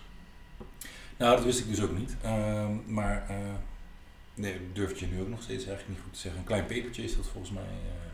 Maar is het echt een, een pepertje of is het, is het een, eh, een peperkorrel? Zoals Szechuan peper of dat soort dingetjes. Ehm, nou, durf ik dat ook niet met zekerheid te zeggen. Ik ben zelf bij de brouwdag niet aanwezig geweest, omdat wij die hebben moeten uitstellen een paar keer. En uiteindelijk Hmm. ging die door tijdens mijn vakantie. Dus ik ben ja. bij de brouwdag zelf niet geweest, wel bij de ontwikkeling van het recept eh, en dergelijke. Ehm, dus ik durf het niet met zekerheid te zeggen Ja. eigenlijk wat de passiepeper precies is. Het is een eh, fruitig, eh, heeft een fruitige zoete smaak, komt uit Ethiopië en het is gewoon echt een, het zijn gewoon peperbolletjes. Hm. Of Ja, besjes, grote besjes. Ja. Nou, ik moet zeggen, ik vind het wel lekker. Kijk, een biertjes bier die wel in de smaak valt. Ja, ik Ja. moet het toch blijven zeggen, jongens. Ik had liever dit soort bieren erin gehad. Mhm. Het was gewoon Begrijp totaal, totaal niet in balans en... ehm, Maar je kent de biergiesgroep toch? De biergiesgroep is ook niet in balans. nee, dat, dat klopt. Dat klopt. En daarom, daarom had ik zoiets van, dat ik er wel eventjes, eh, eventjes een knuppel in het hoendok gooien. Ja, ja, ja. ja. Ehm, en Maar daarop e- terugkomend... Even, even daar, daarop, want dit bier is natuurlijk op een heel ander moment gemaakt en met een heel ander doel. Eh, Ja. Dit staat in principe helemaal los natuurlijk van de, de, de zes bieren die we hebben Ja, uitgebracht precies. voor. Dus dit was echt puur bedoeld van we willen met de admins van Biergeeks willen we een mooi bier gaan brouwen. Ja. Als zijnde om te laten zien hoe de eh, hechte verbindenis is tussen de Biergeeks Facebookgroep en de eh, Nederlandse brouwers. Dit is de eerste. We gaan volgende week gaan we, een, gaan we nog een bier maken met two chefs. Oh, Nou, eh, om een beetje deze lijn voor te zetten. Ja. Ja. Ehm, dus daar is dit van. Dit heeft natuurlijk niks te maken Nee, heeft niks met ALS te eh, maken. Nee, precies. En ik snap ook door alle kritiek die daarop volgde met eh, tijdsdruk en al dat soort dingetjes. Ik, ik snap het. En uiteindelijk hebben we gewoon 25 euro betaald voor het setje, dus we hebben onze steun. Dat heb je goed gedaan. Ja, toch? Ja, ja, ja, Dus zeker, ja, zeker. maar ja, dit is wel, dit vind ik wel nice hoor. Ik zit heel erg te twijfelen of ik nou, ik vind die eh, kokos, wel- vind, vind ik wel lekker. Maar of het er voor mij per se in had geho- gehoeven, zeg maar. Mhm. Vind ik lastig. om- Ja, Tuurlijk, en dat is Ehm. ook een, eh, nou ja, dat zal je ook weten vanuit de lok, denk ik. Ja. Eh, op papier eh, verzin je het een en ander. En ja, dan is de vraag hoe gaat het precies uitpakken. Uitpakken, ja. Ja, dus... eh, maar ik, laat, ik, het- laat ik heel duidelijk zijn, ik vind het niet mislukt. Maar ik vind het niet per se iets, iets heel erg toevoegen. En het is wel ik in ga die hem er zin dus wel... gewoon echt niet uit. Het is wel Ja. interessant, omdat ik het eh, totaal nog nooit bij een seizoen heb geproefd. Dus ik vind wat dat betreft echt ontzettend kudo's voor, de, zeg maar, eh, eh, voor het experiment in die zin. Ehm, ja, blijf biergeeks, hè. Ja, inderdaad. Eh, maar ik ben, daar wel, ik ben er wel van gecharmeerd. Ik vind sowieso seizoen gewoon echt super lekker. Ja, nou ik zelf ook. En, en dat is ook een van de redenen waarom wij eigenlijk vrijwel direct zeiden van het moet een seizoen worden. Ja, Die zie je veel te weinig, vind ik, door Nederlandse brouwers. En ik begrijp dat ook. Maar we hadden direct zoiets, het moet een seizoen worden. En daarna, oké, maar laten we dan wat gaan bedenken van wat gaan we dan met die seizoen doen. Hè, laten Ja. we iets, iets geks gaan, blijf biergieks, laten we iets geks gaan doen. kwamen we al snel uit bij eh, citroen en dan eh, gedroogde gele citroen, gedroogde zwarte citroen. Eh, nou ja, ik opperde het een keer van, nou, kunnen we er niet kokos doorheen doen? Ik hou heel erg van kokos. Ik denk, nou, laten we gewoon eens kijken hoe dat dan. Ja. Dus op die manier ben je beetje aan het sparren en, en kom je inderdaad tot zo'n zo'n recept. Ja. Nou, waarom, waarom het ook mijn favoriete, een van mijn favoriete stijlen is, denk ik, omdat het gewoon zo goed gaat met food pairing seizoens. Die zijn echt, eh, net zoals gewoon eh, de wilde bieren, zeg maar. Ja, Ja. daar, kun je, daar kun je zoveel gerechten eh, bij aanschuiven. vind ik echt eh, geweldig. Ja. En, En eh, mooi droog, hè? Dat, eh, Ja. dat is Ja. bij food pairing ook Ja. vaak eh, heel fijn. Zeker. En ook vaak als je dan bijvoorbeeld een Belgische seizoen wat op witte wijnvaat of rode wijnvaat heeft gelegen, dat geeft ook een mooie dimensie daaraan, zeg maar. Mhm. En het werkt gewoon ook goed met fruit. Ja. Toen, toen deze vers was, zeg maar. Ja. Ik heb Toen, heb uiteraard ook op. gehad. Ja. Was die eh kokos toen meer aanwezig? Nee, helemaal niet. Nee. Ik heb, krijg zelfs de indruk dat hij nu wat sterker naar voren komt dan toen hij vers was. Toen hij vers was, was de eh, citroen wat meer aanwezig. Eh, en die peper haalde je er ietsjes uit, een beetje niet pittig, maar je had wel het idee van, oké, ik denk wel dat ik die passiepeper erin proef. Die kokos kon ik in het begin eigenlijk helemaal niet terughalen. Nu begin ik, eh, hij is nu ongeveer een jaartje oud, ik heb nu het idee van, ah, ik begin hem nu een beetje te, Ja. te ruiken, te proeven. Oké. Maar hij is nooit dominant aanwezig geweest. Zelfs toen hij vers was, was hij echt eigenlijk niet te ruiken Nee. te proeven. Ehm, wat ik toen een beetje van tegenvallen. Ik dacht, en dan voorzien je een recept en dan komt hij niet helemaal uit de verf. Dat je dacht, oké, jammer, ik had wel graag die kokos er wat meer in gehad om te kijken wat hij doet. Ja, na een jaar blijkt hij toch, toch wel iets omhoog te komen. Ja. Ja, bij mij dus echt totaal niet. Maar dat, ja, Nee. dan moet ik aan mij liggen dat, ik, eh, dat het gewoon die andere smaken gewoon eh, meer overheersen. Ik, ben, ik zou wel benieuwd zijn als dit eh, op een witte wijnvat had gelegen of zo. Met nog wat extra eh, ingrediënten in het vat erbij of zo. Wat dit had, had gedaan. Had eh, heel leuk geweest. Nou, misschien dat we nog eens een keer eh, een tweede batch kunnen maken. Ik weet niet of Ja, nou ja, Raymond Gamage dit luistert, dan stuur ik het even door naar hem. Ja, Misschien nee. een batch 2 maken en dan op witte wijnvaten leggen. Want bronkoks doen natuurlijk ook veel met eh, hun, eh, hun vaten. Of in ieder geval veel bier met vaten en ook met saisons. Ja. En dan vind ik het sowieso tof dat als, als je dan een seizoen op vaten legt, dat die gewoon niet meteen, zoals we die laatst hadden van, van Mol, Ja. 10% is, maar gewoon dat die dit alcoholpercentage heeft. Ja, als dan weer een Imperials is. of- Ja, precies, maar dat, dat zie je dan vaak in Nederlandse, bij Nederlandse brouwerijen. Als ze dan een seizoen op Ja. vaten leggen, dan is het vaak een, een Imperial seizoen. Nou, Kaapse niet, hè? Oh, die hebben we trouwens ook nog eh, Ja. gehad. Ja. En die vond ik ook echt onwijs lekker. Maar even terug naar de smaken. Er zit alles in wat een seizoen eh hoort te hebben, vind ik. Ehm, maar ik moet zeggen, jij zegt het is, een- het is seizoen, dus ik smel een beetje lekker te maken en een beetje in mijn hoofd, zeg maar. Dus de, de verwachtingen zijn dan anders dan wanneer je het gaat ruiken. En dat is wat ik, wat ik wel mis of zo. Maar daarvoor in de plaats ben ik wel ehm enigszins getriggerd door de kokos. Terwijl ik er ook een beetje mee in strijd ben. Ik weet het niet zo goed. ik vind het lastig om te verwoorden. Ja, ja ik ben blij dat ik, die, dat ik die dus niet proef. En ik wel echt inderdaad die citroen eruit haal. En Mhm. dat, eh, die bittere eh sinaasappel. Dat is echt het, het- dat, dat witte randje. Wat, Ja. wat je heel vaak hebt bij... eh, en dat vind ik heel tof. Want dat maakt hem ook net even wat roker. Ja. Ik vind het trouwens wel juist leuk dat je zegt van ik ben een beetje in strijd ermee. Dat is ook Ja. hoe, hoe we biergeeks willen hebben. Hè. Het voelt heel fijn, maar toch altijd net even een Ja, het heeft klein een edge beetje, eh, ja, Ja. Het, het wringt een klein beetje, maar het is toch altijd wel fijn. Dus in die zin is dit wel een bier dat me dan wel waarschijnlijk bij gaat blijven. Omdat ik gewoon niet zo snel een bier, een, in ieder geval een seizoen met, Het kokos heb. met kokos zou hebben. Ja. Dus Ja. ik vind, het- ik vind het sowieso interessant. En ik vind dit, dit, dit is ook gewoon het leukste aan gewoon biergeeks en proeven. En dat je weer zoiets, dat je dan toch weer verrast kan worden. Ja. Ja, tof. Ja. Mooi. Ja, vooral omdat ik, oh, dit, net als het vorige bier, zou ik dit ook niet snel hebben gekocht, denk ik. Ja. Als ik dit in de winkel had gezien staan, dan was ik er waarschijnlijk redelijk voorbij gelopen. En waarom had je hem dan niet gekocht? Vanwege de kokos? Nee, vanwege Big Geeks. Nee. nee. nee, ja, ja, waarschijnlijk vanwege de, de, de, de toevoegingen. En dan inderdaad eh, het kokos, een peper. Ik denk dat peper vaak heel goed kan werken. Dat heb je eh, ook met eh Szechuan peper die, eh, als je die eet in een gerecht, zo, dan verdooft het je tong. Wat, wat heel erg, eigenlijk heel erg tof is. En tegelijkertijd een beetje funky. Ja. Nou, Ehm, maar ja, ik weet niet, dan... Ik denk dat meteen, oh, het is een beetje te veel. Of zo. mhm. Ja. Dus ik moet hetzelfde als ik een stout koop, dan wil ik gewoon het liefst een stout waar of chocolade, of vanille, of kokos in zit. In plaats van dat er meteen een hele bounty in hangt. Ja, Ik begrijp je heel goed. Ehm, ik ben het daar ook mee eens. Met uitzondering van, ik denk als het goed in balans is, als het niet keihard overheerst, Ja. dan denk ik, ja, dan kunnen er wat mij betreft meer ingrediënten erin. eh, als je een beetje die balans probeert te, te vinden en, en te krijgen in Ja. het bier. Maar vaak schort het daar dan wel aan, omdat het gewoon eh, eh, moeilijk is. Ja, klopt. Ja. En ik heb dus het idee, en ik probeer de constant, daarom zit ik al even slokjes te nemen. Eh, hij heeft een wat voller mondgevoel dan een, dan een seizoen die, ik- die ik gewend ben. Hebben jullie dat zelf ook, of, of ligt dat echt volledig bij mij? Ik heb dat niet per se. Ik vind hem niet Nee, zo heel lichtvoetig per se. Dat vind ik meestal wel een seizoen, omdat die kleine bubbeltjes... eh, maar ik vind hem, hij, hij voelt wat eh, voller aan. Ja, ik, ik En dat vind ik niet, dat niet eh, heel erg. Nee, ik haal er ook niet nee. eh, uit. Nee, maar dat, ja, dat zou kunnen. Ja, ik, dat zou ik niet Maar het kan zijn dat hij wat hoger in de, ja, niet echt per se in de koolzuur zit, want het is niet dat hij ontploft in je mond. Maar hij heeft Mhm. gewoon een hele fijne bubbel. Dat hij daar, dat hij daar misschien door Ja, het zou kunnen, voor, ja. eh, voelt.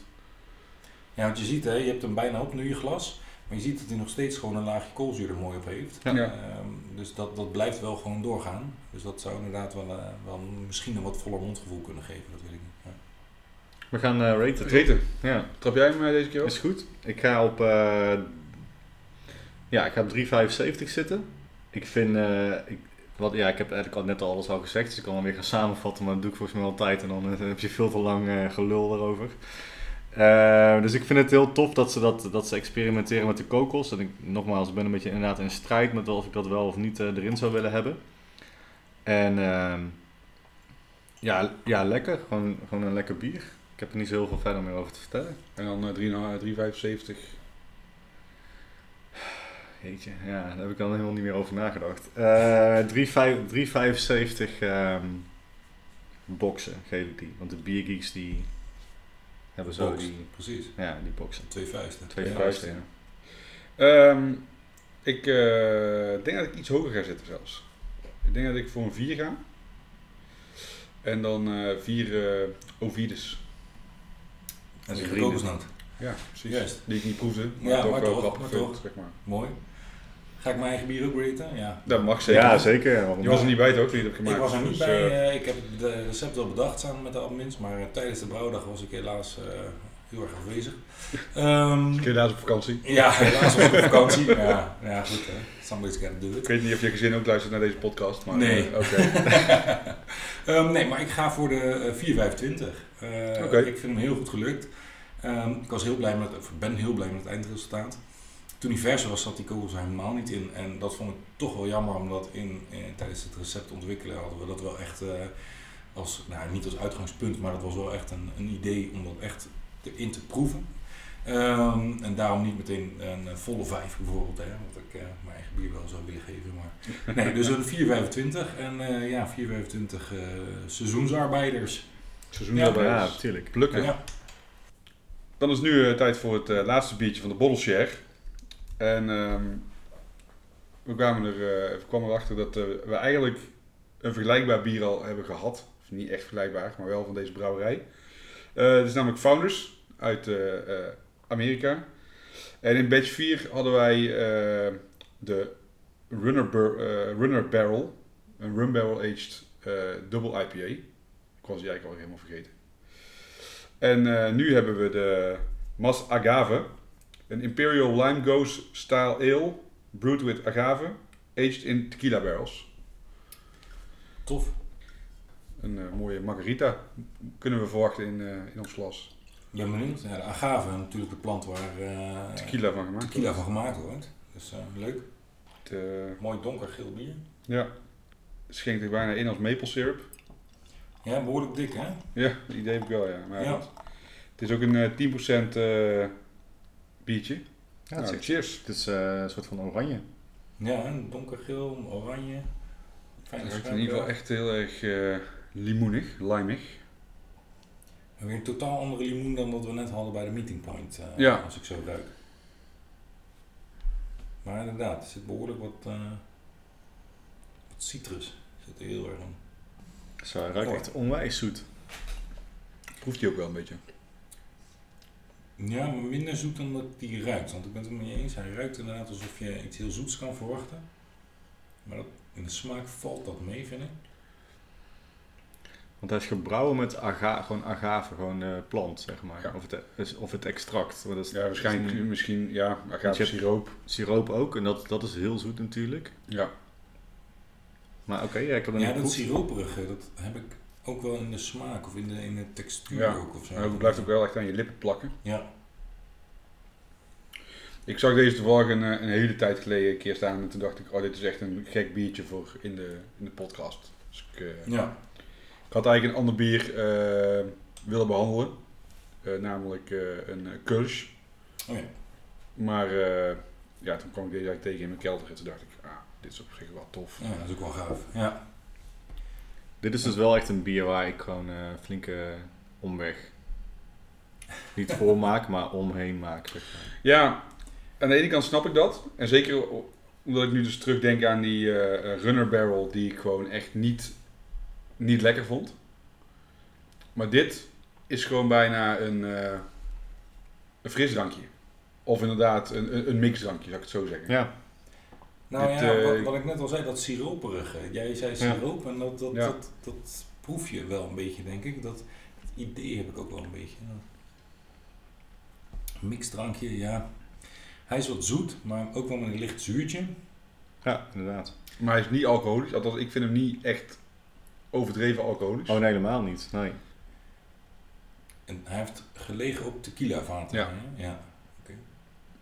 Ja, dat is natuurlijk met eh, eh, lime is dat gewoon... eh, en, en een zuur, zuurig biertje. Ja. En natuurlijk zout. Dus Zout, je hebt dan ja. die combinatie die je bij tequila vaak eh in Zeker. de kroeg, hè, zoals je dat zo Ja, achterover slaat. Ja. Klopt, daar moet je Mexico zelf niet naar vragen trouwens. Nee, hè? Dat, nee, nee, nee. nee, dat is echt gewoon Europees iets volgens mij. Nee, maar dat is hetzelfde zelf als... kennen ze dat totaal niet. hè? Nee, maar dat is hetzelfde als eh, als je grenadine in je Grimbergen vraagt in Gent, dan Ja. sturen ze je ook de kroeg uit. Precies. Nou, maar nee, de, de, het totale plaatje matcht wel. Het is inderdaad een beetje dat zout, een licht zuurtje, wat zoet. Eh, vrij dik, beetje, ja, dat stroperige. Ja. Dus dat matcht allemaal wel. Het is niet per se iets waar ik inderdaad ook echt voor naar de winkel zou rennen, als ik heel eerlijk ben. Nee, ja, ik denk dat veel mensen Founders natuurlijk ook echt eh, kent vanwege eh, een aantal van hun IPA's, die, ze, die gewoon heel bekend zijn. De All Day IPA en de Centennial IPA. Ja. Eh, en uiteraard En de stouts. Eh, de KBBS, of eh, de KBS, sorry. Eh, KBS tegenwoordig CBS. CBS. en de CBS Ja. inderdaad. En je hebt nu ook de KBS met eh, espresso en voor mij was er nog... Caramel Fudge hebben we gehad, geloof ik. Ja, ja, die heb ik dan niet op, maar die espresso had ik wel op en die was wel echt... eh, Heel vond die echt lekker. wel nice. En sowieso, eigenlijk, mijn eerste ontmoeting met, eh, met Founders was in 2015. En daar waren eh, de, de Breakfast Stout, zonder eh, de barrels, en de gewone stout. En daar was ik toen echt al wel vol onder de indruk. Eh, toen ik dat voor het eerst dronk, zeg maar. Ja, ik heb rond diezelfde tijd denk ik ook eh, kennis gemaakt met founders. Deed toen nog een beetje traden. ja. En eh, ik kreeg wat KBS opgestuurd. Dat was toen nog niet verkrijgbaar in Nederland. Nee, Hadden, had bijna nog niemand van gehoord zelfs.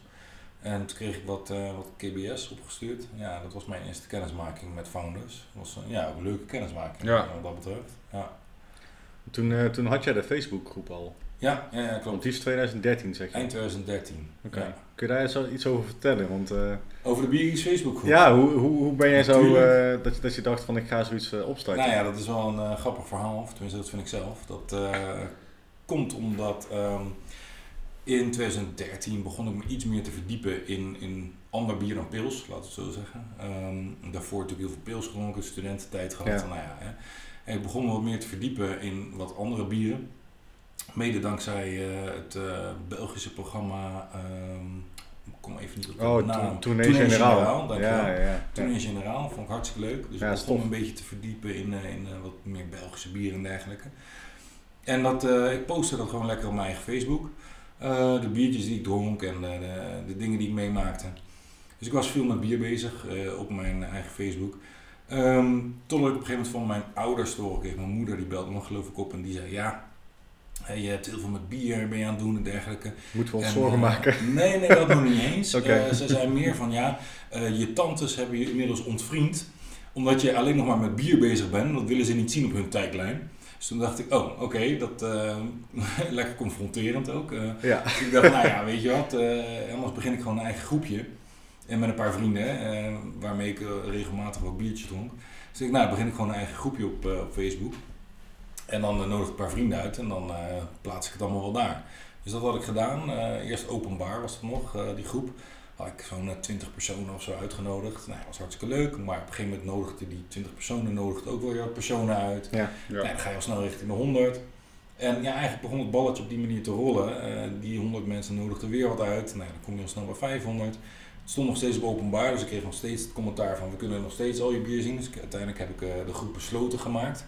Eh, zodat iedereen gewoon kan posten wat hij wil zonder dat hij zich zorgen hoeft te maken dat zijn tantes eh, zich druk gaan maken. Ja. Of niet? Zijn je tantes inmiddels wel weer eh, bevriend met je op Facebook? Nee, volgens mij nog steeds niet. Nee, nee, nee. Ik kan ook niet zeggen dat ik ze erg mis trouwens. Nee, maar goed, het is weer een ander verhaal. Ehm, nee, maar zo is eigenlijk die, die Biergies Facebookgroep ontstaan. was meer uit, eh, ja, uit noodzaak tussen aanhalingstekens. En ik dacht, Ja. lekker met een paar vrienden in een besloten groepje ouwe hoeren over bier. Ehm, maar geen idee, dat ging op een gegeven moment heel snel. Volgens mij heeft Facebook op een gegeven moment ook zo'n algoritme dat die groepen aanraadt. Van, hè, als jij zelf heel veel met bier bezig bent op je tijdlijn, Ja. dan krijg je zo'n suggestie van Ja, ze. Misschien, is dit wat voor je. Ehm, dus dat is volgens mij een keer gebeurd. En eh, ja, eh, binnen no time zaten we aan eh, heel veel leden. En zijn we heel wat jaren verder. En uh, Biergeeks meetings verder. En, ja, Op hoeveel leden zit je nu? 15.000. bijna 15.000 dacht ik. Dacht ik, zoiets. Ja. Ja. Wat, wat, wat was voor jou het moment dat, eh, ehm, dat het echt serieus werd? Dat je dacht, oké, Eh, oh ja, nou dat weet ik wel. Ehm, dat was het moment dat ik nog geen andere admins eh, eh, erbij had. Dus dat ik alles zelf deed. En dat op een gegeven moment, ik, ehm, dat was echt een moment waarop mijn vrouw ook zei van ja, dit, dit is eigenlijk niet helemaal tof meer.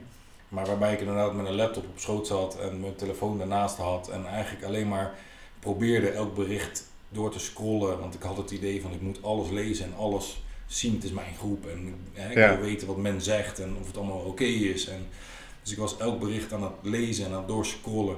Op mijn telefoon en op mijn laptop. Tot mijn vrouw zei, ja weet je, dit, dit, dit is niet leuk meer. nee. Ik heb geen contact meer met je en eh, ik zie je niet meer. Ik zie alleen maar een schermpje. Hè. Ja, Ja. Dus eh, dit is niet meer oké. Dus op dat moment was wel een moment dat ik dacht, oh ja, dit is toch wel, het begint toch wel wat groter te worden dan ik ooit had bedacht. En dat was ook het moment waarop ik heb gevraagd aan mensen van, joh, wil iemand me helpen hierin? Eh, ik zoek Ja. eigenlijk wat mede-admins. En toen zijn we die groep ook wat anders gaan indelen. Hebben we wat, eh, wat regels opgesteld. We hebben bijvoorbeeld een, een kroegpost gemaakt. eh, zodat niet iedereen gewoon maar lekker over het uitlaten van zijn hond begint onder een post over bier. Maar als je dat wil, eh, als je dat wil bespreken is prima, maar dan kan dat in de kroeg bijvoorbeeld. En Ja. we hebben die hele groep wat meer structuur gegeven. Dat was ehm, rond 2015, 2016 volgens mij. Ehm, dat het echt wel wat groter werd dan ja, dat ik eigenlijk voor ogen had. Ja. Ja. Ja, goed, er zijn natuurlijk eh, tal van relletjes geweest. eh, Ja, daar hoort er een beetje bij. Hè? Ja. ja, precies. Maar hoe, eh, hoe beoordeel je of iets eh, wel of niet kan? ja, dat is soms natuurlijk dingen op slot gezet en dan denk, kun je bij Klopt. jezelf denken van, oh ja, had het op slot gemoeten of niet? Of, dat, dat is ook non-stop een, een, een discussie en een, en een battle. Ook tussen ons. We hebben nu vier admins, waaronder eh, ik zelf. Dat is ook non-stop een discussie die we aan het voeren zijn. We hebben een aparte messengergroep.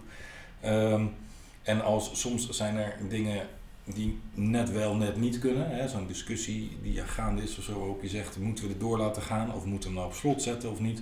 Ja, dan gaan we als admins gaan we in discussie met elkaar van vinden we dit kunnen, vinden we dit niet kunnen, ehm, waar gaat het heen in zo'n gesprek, Ehm, zien we het aankomen dat het misgaat, ja of nee, willen we daar actie op ondernemen, want je wil ook niet alles op slot zetten. Nee, precies. Je wil niet, een, je wil niet op elke slak zout leggen. Je moet ook dingen kunnen bespreken en ook Ja. kunnen praten. En, Ja. en daar is die groep ook voor bedoeld. Het is ook niet alleen maar ik post mijn biertje, hij is lekker proost. Dat is niet de bedoeling van Biergeeks. We willen ook een beetje interactie met elkaar en, en dingen kunnen bespreken. Dus dat is vrij lastig. eh, en dat is elke keer een afweging die we maken.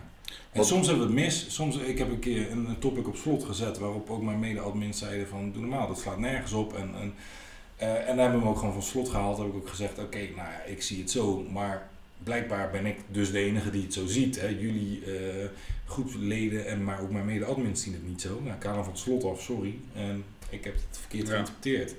Ja.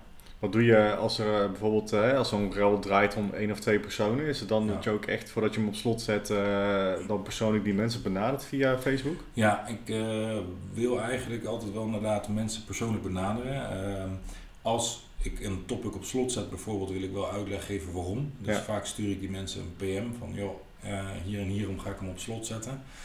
Ehm, soms gaat een discussie heel snel.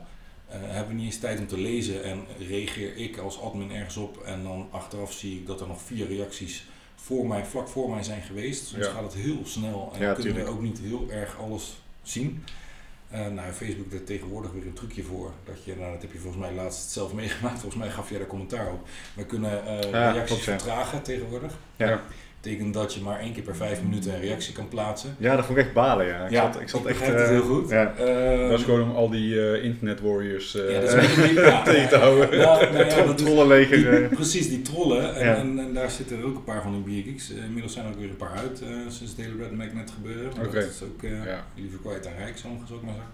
Maar goed, nee, eh, Facebook heeft er trucjes voor eh, om dat dus te doen waarvan dit er één is die we laatst hebben getest. eh, toevallig bij jou. Ja, ja. Maar ja, nee, ik wil altijd wel in gesprek met iemand. Ehm, en om te zeggen van, joh, ik wil, wij vinden dat dit op slot moet, hier en hierom. En dit is de reden waarom die op slot gaat.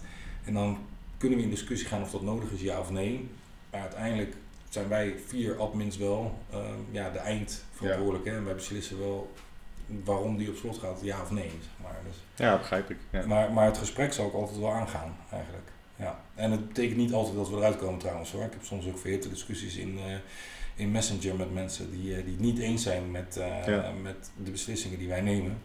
Ja, Is, Ja, dat wij is er dan nog iemand met een eind, weet ik veel, veto of zo? Of hoe werkt dat? Nou, niet per se. Nee, wij zijn, wij zijn met vier admins en iedereen heeft wel evenveel rechten. Eh, het is niet dat ik nou als oprichter zeg van ik, eh, ik gooi mijn veto eroverheen Ja, ja. en eh, jullie zoeken maar uit of zo.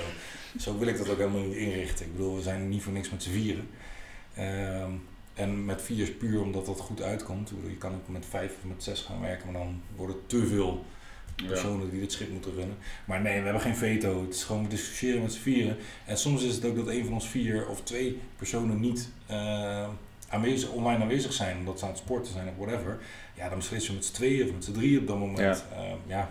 Ja. Soms moet er snel actie worden ondernomen. En zeker met discussies die we vandaag al besproken hebben, hè, met eh, seksisme in de bierwereld, et cetera. Dat Ja. zijn discussies die, je zag het op Biergeeks, die, die behoorlijk uit de hand kunnen lopen of die behoorlijk eh, gevoelig zijn, een snaar kunnen raken bij mensen. Ja, en Biergeeks moet een plek zijn waar iedereen zich oké voelt. Eh, man, vrouw, maakt niet uit. Iedereen moet gewoon zijn zegje kunnen doen Ja. en respect hebben voor elkaar. En dat gebeurt niet altijd. En dat is heel makkelijk natuurlijk. Iedereen Mhm. achter zijn keyboard eh, Ja. kan zeggen wat hij wil. Ja, precies. Ja, dat, dat is niet het idee wat we willen hebben als groep. Dus ja, dan gaat het op slot of dan wordt er iets verwijderd. Ja. Of een persoon verwijderd zelfs, kan ook nog. Ja. Nou, ik moet zeggen, eh, toen ik Jeroen sprak van eh Rauwbrouwers, die, die ook de discussie heeft gevolgd over zijn bier, die zei dat hij het inderdaad af en toe ook gewoon jammer vindt dat het dan zo ehm, ongenuanceerd gaat. Ja. En dat hij, en daarom belde ik hem natuurlijk ook. Ik wil natuurlijk ook gewoon het genuanceerde verhaal horen. Want je kan zeggen, ja, het is een, het is een vrouw die, die een bierfles vasthoudt eh, alsof ze iets anders aan het doen is. Ja. Ehm, ja, ja- jammer vindt hij dat dan. Dan wordt het totaal uit zijn verband gerukt. En dat, zo had hij dat dan helemaal niet eh, weet je wel, bedoeld. Nee. Ehm, toen zei ik hem, ja, dat is inderdaad wel gewoon de online wereld waarin we leven nu. Ja. Dus, eh, Nou klopt, dat is iets wat eh, eh, niet eigen is voor Biergeeks. Dat is, nee, precies. Dat, Ja. is, dat is Facebook eigen, dat is social media eigen. Ehm, ik heb het idee dat hè, sinds het hele corona gebeuren er is dat men ook wat feller is geworden. Kan aan mij liggen, maar dat idee heb ik een beetje dat mensen sneller ergens bovenop zitten, sneller, feller reageren. Ja. Ehm, ja, dat gaat online zo. Bierkicks is geen uitzondering hierin. Nee, denk ik ook niet. En wat wij proberen is wel het een beetje te temperen eh, door soms inderdaad iemand aan te spreken op zijn gedrag. eh, zelfs soms een, een eh, opmerking te verwijderen als we denken, ja, dit kan echt niet. Ja, dan verwijderen we zo en dan zal ik ook diegene aanspreken. Ja. Een messenger van, joh, ik heb je bericht verwijderd hier en hierom. Of ik heb hem op slot gezet hier en hierom. Maar ja, ongenuanceerd, dat, dat zal altijd wel een beetje blijven, denk ik. Nee, ja, dat, dat is, Ja. dat is Maar wel inherent aan de Ja. online wereld, denk ik. Ja. ja, maar het is natuurlijk sowieso super lastig, hè, want je kunt natuurlijk iets, iets typen. En dat kan natuurlijk door iemand anders ook weer gewoon volledig anders opgepakt worden. Ja, tuurlijk, dat is... Of eh, verkeerd gelezen of verkeerd Ja. geïnterpreteerd. Maar over het algemeen zullen we dat soort berichten niet snel verwijderen. Maar als iemand recht op de man begint te schelden, wat ook voorkomt, Ja, ja, precies. dan, dan gaat dat weg. Dan Ja. eh, verwijder ik die opmerking. Want Ja. recht op de persoon gaan schelden, dat, is, dat hoeft Nee, maar hoeft goed, dan niet reageerde jij toen, eh, toen wij die, die post hadden gedaan. En dat was misschien ook wel, ja, goed.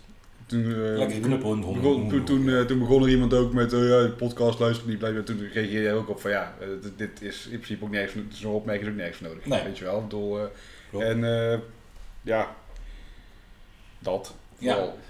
Nou ja, ja, het is altijd lastig. Het is altijd een afweging. Want ja, wat jij zegt, ehm, iemand kan iets zeggen en iemand anders kan het anders interpreteren. Ja. Goed, dat soort dingen zullen we wel gewoon laten staan. En ehm, met soms nog een vraag erbij van, joh, kan je misschien wat meer Ja. uitleg geven of kan je het anders benaderen of anders benoemen. Maar wat ik zei, als iemand recht op de persoon begint te schelden en dergelijke, ja, dan, dan gaat het gewoon weg. Dan zullen we het verwijderen. Even nu eh, acht jaar verder en eh, vier admins rijker. En heel veel ervaring en, en ja, van alles en nog wat. Hoe, hoe, ehm, hoe, hoe is het nu dan in te combineren met, eh, met je gezin eh, en dergelijke? Want ik ben daar oprecht wel benieuwd naar. Ik, bedoel, ik Ja. heb geen gezin. Ik kan hier bij wijze van spreken het hele weekend eh, achter mijn laptop zitten en niemand heeft er last van. Nou ja, goed, ik denk Doe je ook? Vrienden. Nee. nee, ik denk dat vrienden dan wel zeggen: hey Dion, eh, kom eens even eh, Ja. van, van achter die laptop vandaan. Maar goed, daar heb, je wat, heb ik wel minder last van. Ja, nee, ja, dat klopt. Ik, ik snap wat je probeert te zeggen. Ik heb zelf een eh, eh, 36 uur werkweek. Ook dat Wat natuurlijk, niks ja. met bier te maken heeft. Ik heb een gezin met twee jonge kinderen en, en bier slokt heel veel tijd op. Ja, dat is een beetje een balans proberen te vinden. Ehm, en ik zeg niet dat die balans altijd gevonden wordt, want ik zit gewoon veel online. Ik ben veel bezig met mijn telefoon, met Ja. Wat niet altijd in dank wordt afgenomen thuis. Terecht ook. En soms krijg ik een opmerking en zeg ik oké, sorry, ik leg hem weg. En dan gebeurt het inderdaad wel dat ik tegen mijn andere admins zeg van ik ben vanavond offline. Dus dan leg ik mijn telefoon weg, weten zij gewoon van ja, je hoeft me niet te storen. Ja, precies. Ja. Proberen jullie wat er ook dan maar is het op te lossen zonder mij. Dat is prima, want Ja. andersom gebeurt het ook en dat Ja. moet ook gewoon kunnen. Ehm, dus ja, ik probeer die balans wel te vinden. Ehm, maar dat is lastig. En, zoals je weet natuurlijk ook veel buiten Biergeeks om. Hè? Dat jureren voor de Dutch Beer precies. Challenge. Ik ben bezig met Stibon. Ja. Ehm, wat ik allemaal geweldig vind. Ik vind het fantastisch. Eh, ik ben heel erg gepassioneerd over craft beer en heel blij dat ik in dit wereldje ben gerold. Maar het kost heel veel tijd. En ja, het is echt proberen die balans te zoeken. Eh, maar dat lukt niet altijd. Maar blijft dat, blijft dat hobbymatig eh, in jouw geval? Of heb je echt wel ambities om daar gewoon op een gegeven moment wel wat meer van te maken? Nou, vooralsnog is het allemaal hobbymatig. Ehm, ik krijg nergens voor betaald. Ik krijg af en toe een biertje opgestuurd. Dat eh, moet gewoon heel eerlijk zijn. Eh, Maar daar krijg je ook wel weer commentaar op. Daar krijg ik dan ook weer commentaar op. Of ik wel onafhankelijk kan zijn en de groep wel kan runnen op Ja. een goede manier. Goed, dat mag ook iedereen vragen. Dat is prima. Ja. Eh, mijn antwoord is ja, dat kan. Als je dat niet vindt, ja, dan wil ik best met je in gesprek daarover. Maar Ja. ik, ik krijg nergens voor betaald. En ook net zoals met eh jureren voor de Dutch Beer Challenge. Ik heb niet betaald gekregen. eh, geen, geen, geen cadeautje achteraf, geen reiskosten en dergelijke. Nee, dat kost me gewoon een vrije dag. Het is totaal mijn eigen eh, tijd en, en ik krijg niet betaald. Ehm, dus alles is hobbymatig. Maar ehm, ja, ik ben niet per se op zoek van ik wil een biersommelier worden om heel erg mijn geld ermee te gaan verdienen. Ik heb een hele leuke baan. Ik werk in een laboratorium in Wageningen. Ik werk heel veel met planten. Ja. Daar geniet ik heel erg van. Eh, ik heb een goed betaalde baan. Eh, dus ik zal niet heel snel professioneel de bierwereld ingaan. Wat niet wil zeggen dat ik niets ermee wil doen. Ik kan me voorstellen dat ik in de toekomst, eh, over een paar jaar, een gedeelte van mijn huidige baan bijvoorbeeld opzeg. Dat ik zeg, ik ga één dag in de week ga ik met bier iets doen, maar dan wel eh, professioneel, wel Ja. betaald. En, dus dat zie ik nog wel gebeuren. Ja. Maar vooralsnog is dit allemaal gewoon... Maar zijn dat dan zijn dat concrete plannen of heb je daar Nee, nee, ik heb, nee, echt niet. Ik heb geen concrete plannen. Ik geef nu eh, af en toe proeverijen met het eh, bedrijfje Bureautica Biertastings. Dan, eh, nou, Ja. voor, voor corona gingen we dus eh, naar kroegen en dergelijke. Dan werden we uitgenodigd om naar proeverij te geven. Dat vind ik super leuk om te doen. Dat wil ik blijven doen. En daarmee kan je nog eens wat, eh, wat kan je wel wat betaald krijgen. Dat is ook niet veel trouwens. Maar, maar zoiets zie ik mezelf bijvoorbeeld wel doen in de toekomst. Dat ik zeg, van, nou, ik wil wel eh, op locatie proeverijtjes gaan geven voor bedrijven. Een vrijdagmiddagborrel organiseren bijvoorbeeld. Ja. Zoiets zie ik voor me. Maar nee, ik heb geen, geen uitgewerkt plan eh, voor de toekomst qua bier. Eh, Nee. Precies. had ik Ja. niet toen ik begon met Biergeeks, heb ik acht jaar later nog steeds niet. Het is een beetje, we zien wel hoe, eh, hoe het gaat en hoe het rolt en eh, waar we naartoe gaan. Maar ik moet zeggen, ik vind het wel heel gaaf en, en eh, complimenten daarvoor. Eh, en ook aan de andere admins en mensen die het me- mede mogelijk hebben gemaakt. Het is wel, ik bedoel, je, bedoel, Biergeeks vind je het leuk ja of nee? Ik bedoel, ik moet zeggen, ik volg echt niet letterlijk alles. Het is Nee. sowieso gewoon veel te veel. Nou, ik heb ook geen... het hele weekend hier achter je laptop moeten zitten. Dat. eh, maar ik heb ook geen notificaties of zo aanstaan. Maar het is wel uitgegroeid tot, eh, denk ik, het platform in Nederland. eh, Waar niet alleen consumenten en liefhebbers en geeks, maar ook gewoon brouwers op zitten. Ja, de brouwers En ik vind dat juist ook wel heel erg interessant. Als er, als, er iets, als er een vraag over een bier is, jij of, of iemand anders eh, tagt even de brouwer en die geeft er antwoord op. Ik vind Ja. dat wel tof. Nou ja, dat vind ik inderdaad ook. Eh Biergeeks is inderdaad een, eh, we zijn met 15.000 leden, maar het zijn, het zijn voornamelijk consumenten natuurlijk. Maar de brouwers zitten erbij en de, de, de mensen van Stibon zitten erbij. Ja. Ehm, de horeca eh, personen zitten erbij, de retail Ja. zit erbij. Dus we hebben wat dat betreft hele korte lijntjes. Ja. Eh, laatst was er inderdaad een voorbeeld over een frontaal bier. Wat, eh, het ging geloof ik over hopburn eh, bij een van de frontaal. Ja. Waarop Roel inderdaad, Roel Bukkens van Frontaal, eh, meteen reageert van joh, nou dit en dit is het geval. En we hadden het misschien niet zo eh, eh, bedacht. En, eh, maar probeer dit en dit is. Of laat hem eens een week staan. En dan, die geeft gewoon direct advies Ja. aan de consument. Die, er wordt iets gepost en hij krijgt direct een, een reply van de brouwer terug met advies van joh, eh, laat hem staan of doe dit of doe dat. Waardoor, wat ik zeg, die lijntjes zijn heel kort daardoor. En dat vind ik persoonlijk heel fijn aan Biergeeks, dat dat gewoon mogelijk is. Ja. Ja. Nou, ik ben er zelf al een aantal jaar eh, af geweest. Omdat ik gewoon eh, op een gegeven moment echt gek werd. Omdat er gewoon elke... Dat moet niet hè. elk bericht, bericht waar binnenkwam was, eh, ja ik ga dit, ja het laatste was het dan ook weer een beetje zo. Ik ga naar Oostenrijk, eh, is er nog een leuke, wil iets leuks te, te doen. Ik ga naar, eh, weet ik veel. En ook daar proberen we dus op in te spelen en daar wat mee te doen. En in dit Ja. geval hebben we dus de BeerGeeks World Domination Map Ja, gemaakt, die je over je eigen Google Maps heen kan leggen. Ehm, dus we proberen inderdaad wel actief in te spelen op feedback die we krijgen inderdaad op die manier. Want ik snap dat ook. Dus dat, toen, werd, ja, toen dacht ik bij mezelf, nee man. nee, ja, ik, ik hoor helemaal wat je zegt en eh, het is ook niet, eh, je bent niet de eerste die zulke dingen zegt. En, maar ja, wat ik zeg, we proberen er wel echt wat mee te doen met Ja. die feedback. En ik heb ook heel graag dat mensen dat zeggen tegen mij of tegen de andere admins. Van joh, denk je nou van joh, ik vind dit niet fijn of ik vind dat niet fijn of dit stoort mij heel erg. Ja, Eh, Ik ben best wel een makkelijk persoon om mee te praten, vind ik zelf. Ik weet niet of het echt zo is, maar vind ik zelf. Dus stuur me een berichtje, kunnen we gewoon eens in gesprek.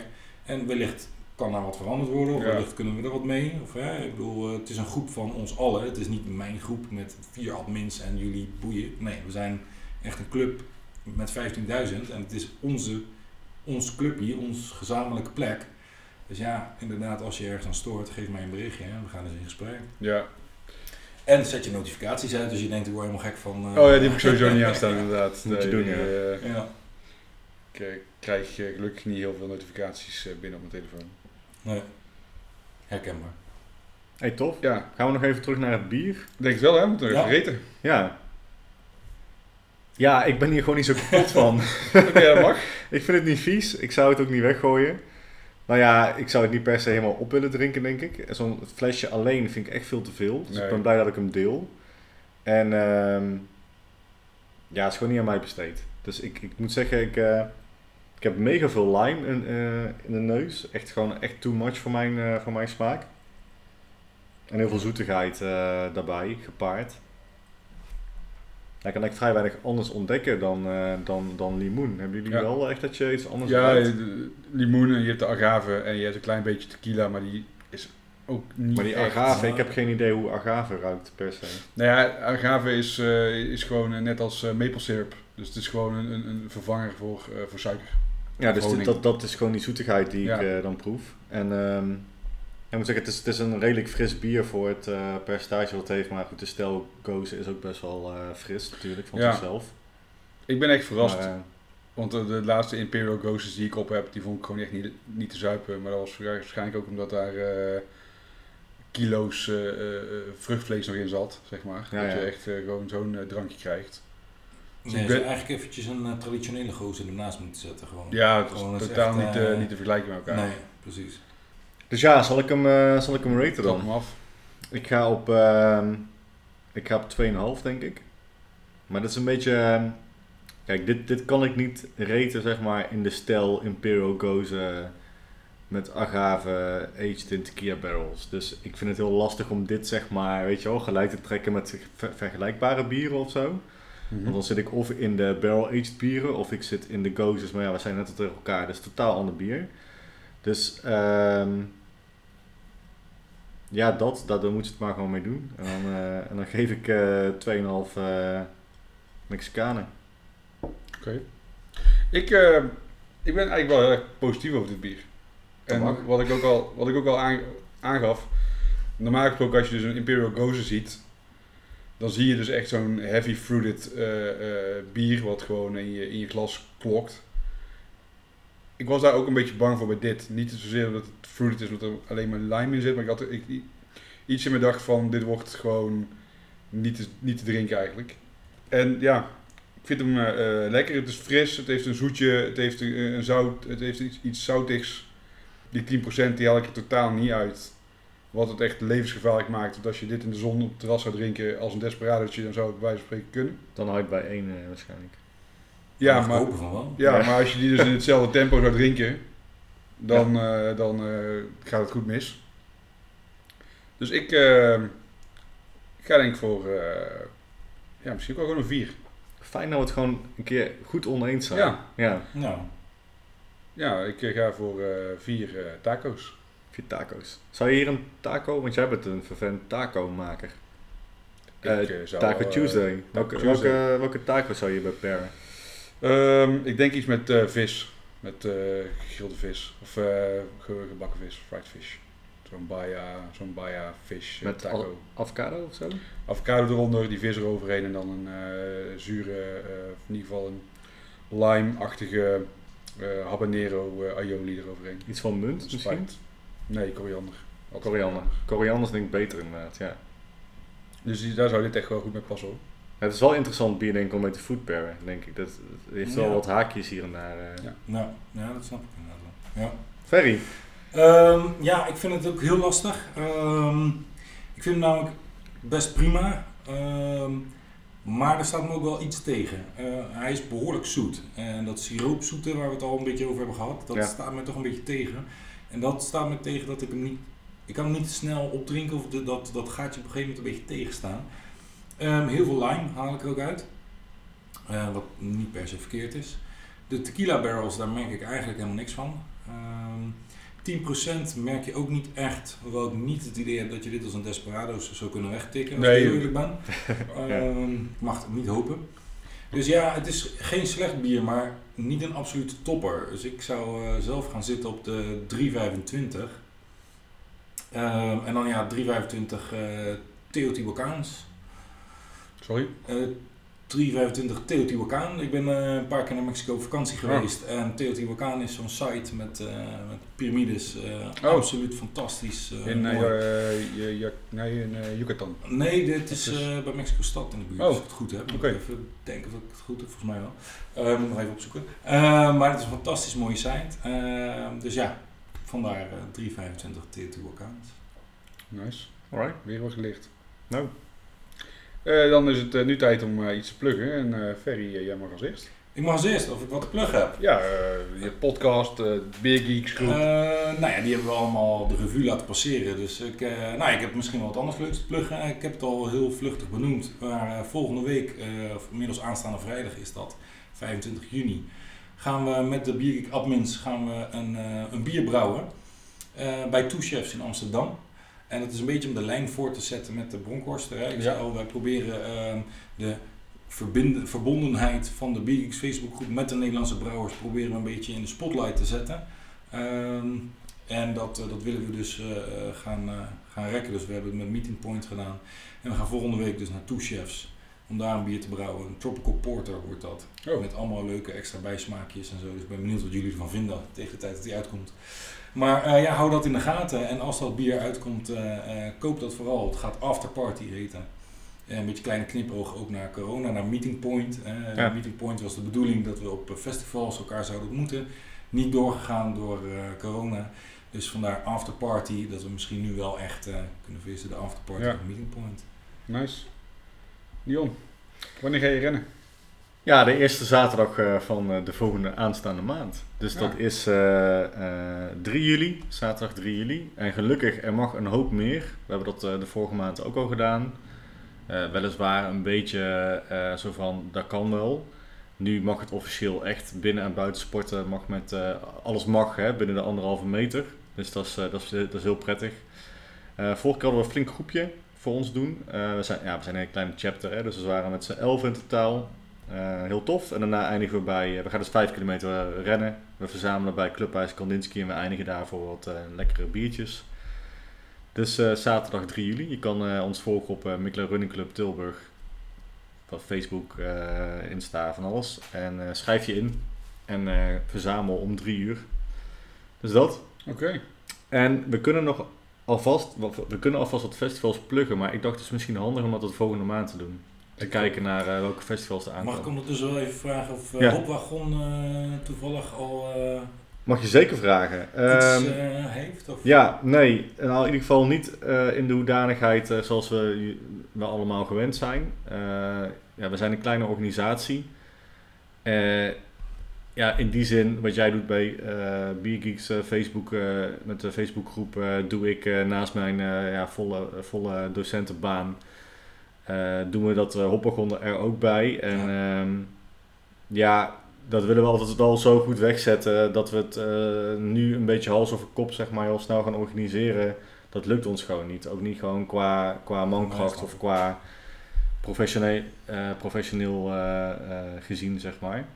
Dus dat, wellicht komt er een Hoppegon Light, maar daar moet ik heel voorzichtig in zijn, want dat moeten we eerst nog echt wel met z'n allen gaan besluiten. Ja. Maar ehm, we wilden namelijk heel groots uitpakken. Ik mag daar niet te veel over zeggen, maar het zou echt een, eh, een hele super uitgebreide hoppegon worden. Waarbij eigenlijk gewoon wel de stad Tilburg ook eh, gewoon Leuk. betrokken zou worden. Eh, dus dat is niet doorgegaan, maar daar gaan we wel in 2022 voor. Ja. Eh, voor dit jaar eh, ja, een wellicht uitgeklede versie, maar ja, niks is nog zeker. Nee, wat dat betreft geldt dat voor heel veel. Ja. Niks is nog Ja. zeker. Ja, precies. En je zit natuurlijk ook in, in- Het is een korte periode waarin nu heel veel festivals tegelijk gaan zijn. Ja, gaan inhalen. En ik denk dat dat eh, eh, kalendertechnisch ook gewoon eh, eh, lastig wordt eh, om, eh, om, om daar een goede spot tussen te krijgen.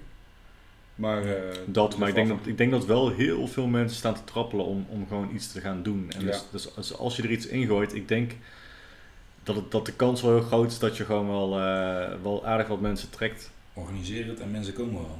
Dat, dat idee heb ik wel, Ja. want Ja. ja. ja, mensen willen gewoon echt erop uit heel erg. Ja. Goed, Oké. we houden het in de gaten. Ja, Ja, en dan mijn eh, plug, eh, zoals eh, elke maand, eh, Burning Hops. Het de craft saus bedrijfje wat ik ben opgestart. Er zijn op dit moment nog twee sausjes te krijgen. Twee verschillende sauzen in de webshop.